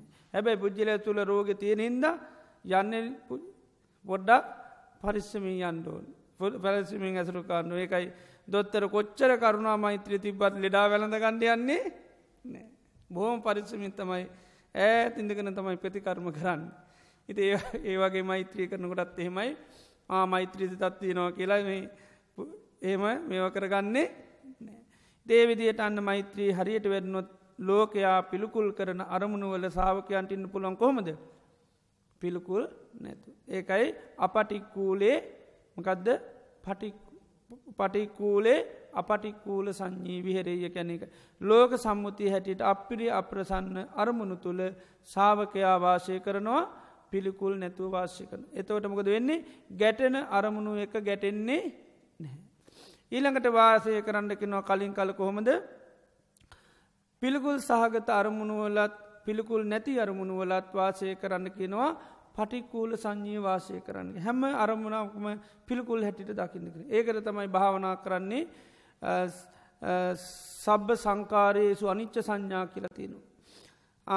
එතරේ සබ සංකාර අනිත සංඥාවරණය කෙනා සබ්බ සංකාරයේසු අට්ටී ඇති හරායති ජිගුච්චති කියලා. සියලූම සංස්කාර පිළිබඳව යායට අප්‍රියාවක් හිරිකිතක් ඇතිවෙන. දෙයක් සකස් වනොත් එයාදගන සකස්වෙන හැම්ම දේකම සභහමකක්ද වෙනස් වෙලා නැති වෙලා යනවා එහෙම දකනට යායට සංස්කාර පිළිබඳමකක් ඇතිවෙන්නේ.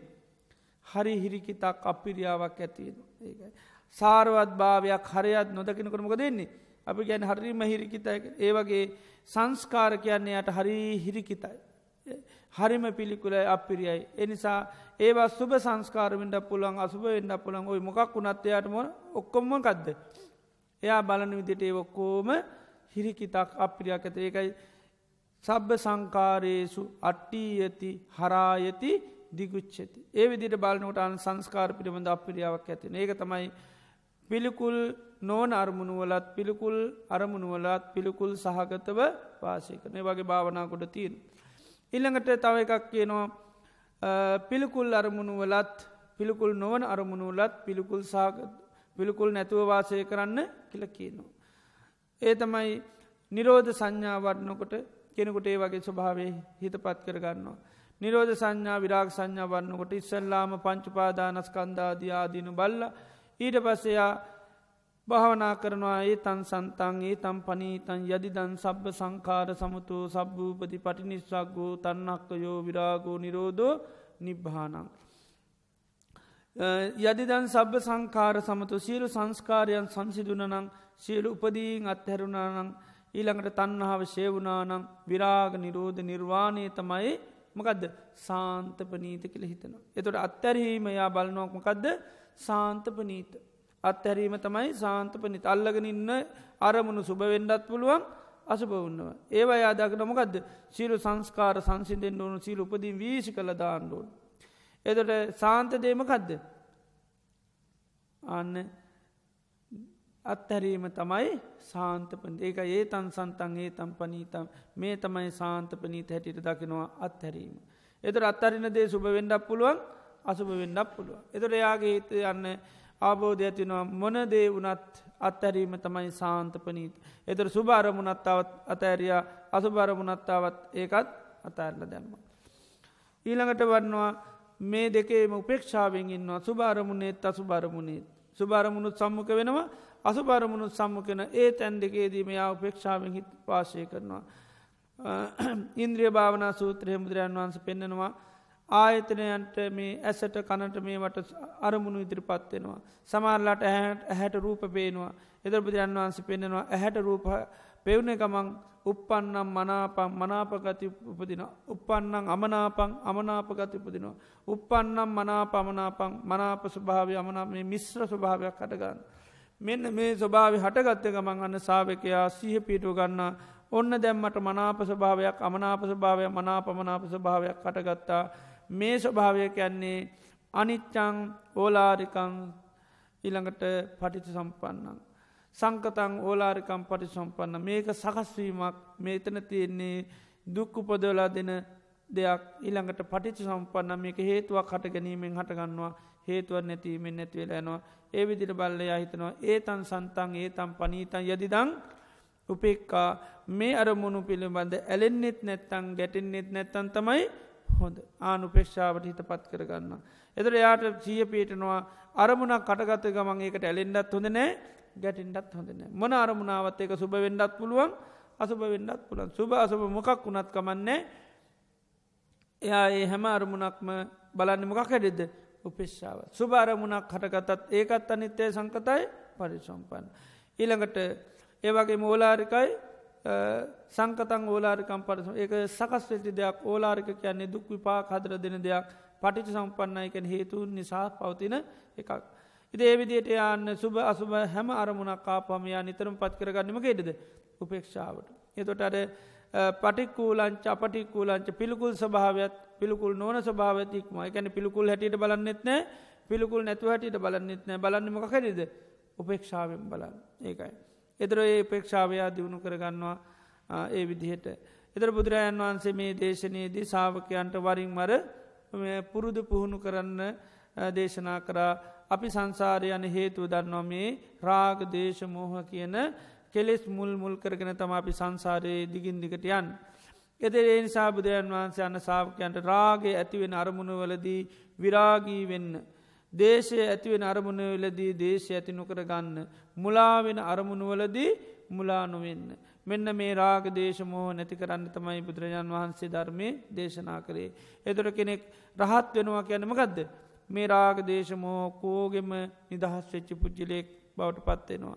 එදරන්න කිසි අරමුණක් පිළිබඳ එක රහතන් වහන්සේලාට රාගයක් ඇතිවෙන්නෙත් නෑ දේශයක් ඇතිවෙන්නෙත් නෑ මොහොයෙක් ඇතිවෙන්නේ මොක දේවිදියට උන්වහන්සේලේවා පුරුදු පුහුණු කරගෙන ගිය නිසා. ඉති අපිටත් ඒකයි මේ බුදුරන් වහන්සේ කලින් කල වරින් වර පුරුදු පුහුණු කරන්න කියන්නේ. එදොට තමයි අපේ ජීවිතයත් අපිට අන්න ඇල්ලෙන අරමුණුවල නොවැලීන් අපේ සිහිය පිහිටුවන්නේ අපි හඳුනා ගැනීම අපට පිහිටන්න.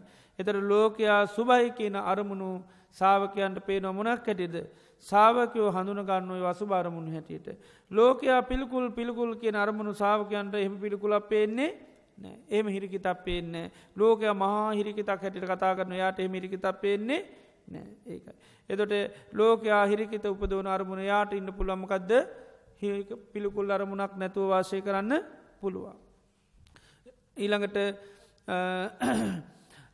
ලෝකයා පිළිකුල් සාපිළිකුල් නැති මේ දෙකම අරුමුණුවල සාාවකයන්ට සම අරවස්ථාවද පිළිකුල් සංඥාවෙන් ඉන්න පුළුවන්. පිළිකුල් නැති සංඥාවෙන් වාසය කරන්න පුළ ඒ වගේ මෙයාට ඒ දෙකම ඉක්මවා එයා වරින් වර වාසය කරනමකෙන්ද උපේක්ෂාවෙන් වාසයකන හැම අරමුණකදීම එයා උපේක්ෂාව කන තොට කිසිම අරමුණක් කිසිම තැනකදී රාගයක් දේශයක් මොහොයක් යාගේ හිතට ඇතිවෙන්නේ නැහැ. හිතේ නිසා බුදුරන් වන්සේකයි මේ අපිට වරින්වර කලින් කල පුරුදු පුහුණු කළ යුතු දේවල් ඇටි දේශනා කරේ. එනිසා මේ සංඥාවන් අප හිත දියුණු කරගත්තොත් අපිට මේ සංසාරය යන ප්‍රධාන හේතුව මේ සංඥා විපර්යාසය. ඒ විපරීත සංඥා ස්වභාවේ නැතිකරගෙන අන්න නිවැරදිව ලෝකයේ හඳුනාගන්න ශාවකය බවට පත්වීමේ හැකියාව තියෙනවා. එනිසා හැම දෙනාට මේ විදියට බුදුරජාණන් වහන්සේ පුරුදු පුහුණු කරන්න දේශනා කරමු මේ භාවනාවන් දියුණු කරගන හැම දෙනාටම තමන්ගේ ජීවිතය සුවපත් කරගන්න මේ ජීවිතය පරලෝ ජීවිතය වගේ මේ සසර ගමන නතර කරගෙන මේ ජීවිතේම චතුරාර් සත්‍ය අවබෝධ කරගන්න ශිලු සත්‍යය ධෛරී ලබේවා කිලපි ආශිර්වාද කරන.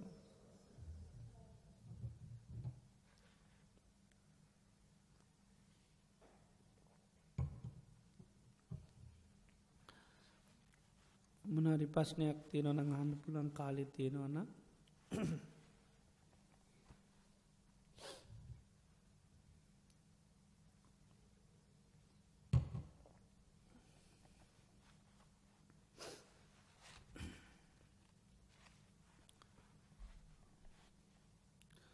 හොඳයි. එනම් හැම දෙනාමිතාම සන්තෝෂයට පත්වෙන්න ඕනි. අද දිනේදී ලෝතුරා භාග්‍යතුන් වහන්සේ අපේ ජීවිතය සුවපත් කරන්ට දේශනා කරපය ධර්මය අපට ශ්‍රවනය කරන්ට ලැබුණා.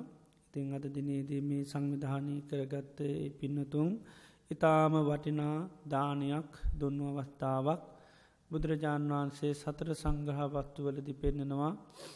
අපි මේ ලෝකයාට සංග්‍රහ කරන්න ඕනි දානීම් ප්‍රියවතනයෙන් අතචරියාවෙන් සමානාත්මතාවය කියනෙ. එතට මේ බුදුරජාන් වහන්සේ දේශනා කරන ලෝකයේ ශේෂ්ඨතම දානීමකදද ධර්මදානී කියල දේශනා කරන ශේෂ්ඨ දානය තමයි ධර්මදානී. ඉදර අපේ සංසාරය පහා දන් දෙනවා මේ ජීවිතෙත් දන් දෙනවා අපි වැඩිපුර දන් දෙන්නෙමක පෝෂණය කරන්නද. කයවල් පෝෂණය කරන්න. කයවල් පවත්ත ගන්න කවල් සත්‍යමත් කරගන්න තමයි වැඩිපුර දන් දෙන්නේ. ඒකත් ඇත්තටම අවශ්‍ය එකක් නමුත් ඊට වැඩිය බුදුරජාණන් වහන්සේ පෙන්න්නන්නේ අග්‍රධානයට පාලට පත්වෙන මොකක්ද ධර්මදානී. එතන මේ දහම් බෙදක් කියන්නේ කෑමක් වගේ කවුරුවරි මේ දහම් පිදක් නුවනින් විමසා අවබෝධ කරගත්තොත් එයාගේ සංසාරගත සීරු දුරුලතාවයන් නැති කරගන්න පුළුවන්. කායිකෝතිය නසනීපකං අඩු කරගන්න මානසික හටගන්න අසනීපකං නැති කරගන්න මාන්සික ජවය සත්‍ය ඇති කරගන්න මේ ධර්මයට හැකියාවතියෙනවා. ඒ නිසා මේ ධර්මය කියන්නේ දානයක් කියල කියන්නේ එකයි කයි සබ්බදානන් ධම්මදානන් ජිනාති කියන්නේ සිරු දානයන්ට වැඩි ධර්මදානයේ ඉතාමුතුන් වෙනවා. එනිසා බුදුරයන් වහන්සේගේ මේ උතුන් ධර්මය පින්නතුන්ට සවනය කරන්නට ලැබුණා මේ සවනය කරපු ධර්මය එක දහම් පදයක් හෝ නුවනින් විමසා බැලුවොත් අන්න තමන්ගේ ජීවිතය සුවපත් කරගන්නේ මහා ශත්‍යයක් බවට පත්වෙනවා. ඒ නිසා ඉතාම සන්තෝෂයට පත්වෙන් ඕනි ඒ සංවිධානය කරගත් පින්නතුන් හැම දෙනාටමත් මේ සඳහා අතහිත දුන්නු හැම දෙනාටමත් නයින් අයුරුන් උපකාර කරපු හැම දෙනාටමත් ඒ වගේම මේ ව්‍යාහරස්ථානය වැට සිටින ඒ දිගාමනු ඩිම්මලානන්ද මහානායක ස්වාමීන් වහන්සේටත් මේ සඳහා උන්වහන්සේගේ අවවාදනු ශාසනා මේ පෙන්වතුන්ට ලැබුණා. උන්වහන්සේ ඇතුළු මහා සංගරත්නයටත් ඒවගේ මේ සහභාගෙන් මේ පින්නතුන් හැම දෙනාටමත් සාදු කියලා පින් අනුමෝදං වෙන හැම දෙනාටමත් මේ රැස් කරගත්තා උදාර්තර පුුණ්්‍ය ධර්මය ආනු බහ බලයෙන් හැම දෙනාටම සිතක් වේවා සාන්තියක් වේවා යහපතක් වේවා නිදුක් නිරෝගී සුවපත් භාවේ ලැබේවා.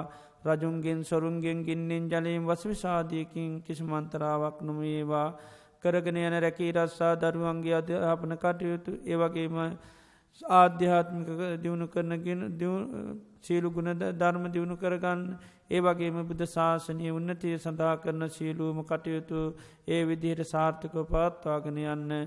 ඒ වගේ විදිරි අනාගතය හැම දෙනාටම සම්මා සම්බුද්ධ ශාසනය තුළ දානාදී පින්කං සීලාදී ගුණධර්ම සමත විපස්සනා භාවනාවන් දියුණු කරගන්න සත්තිය දහිරය වාසනාව චිරජීවනය දීර්ඝාවශ ලැබේවා කියලපි ආශිර්වාදක.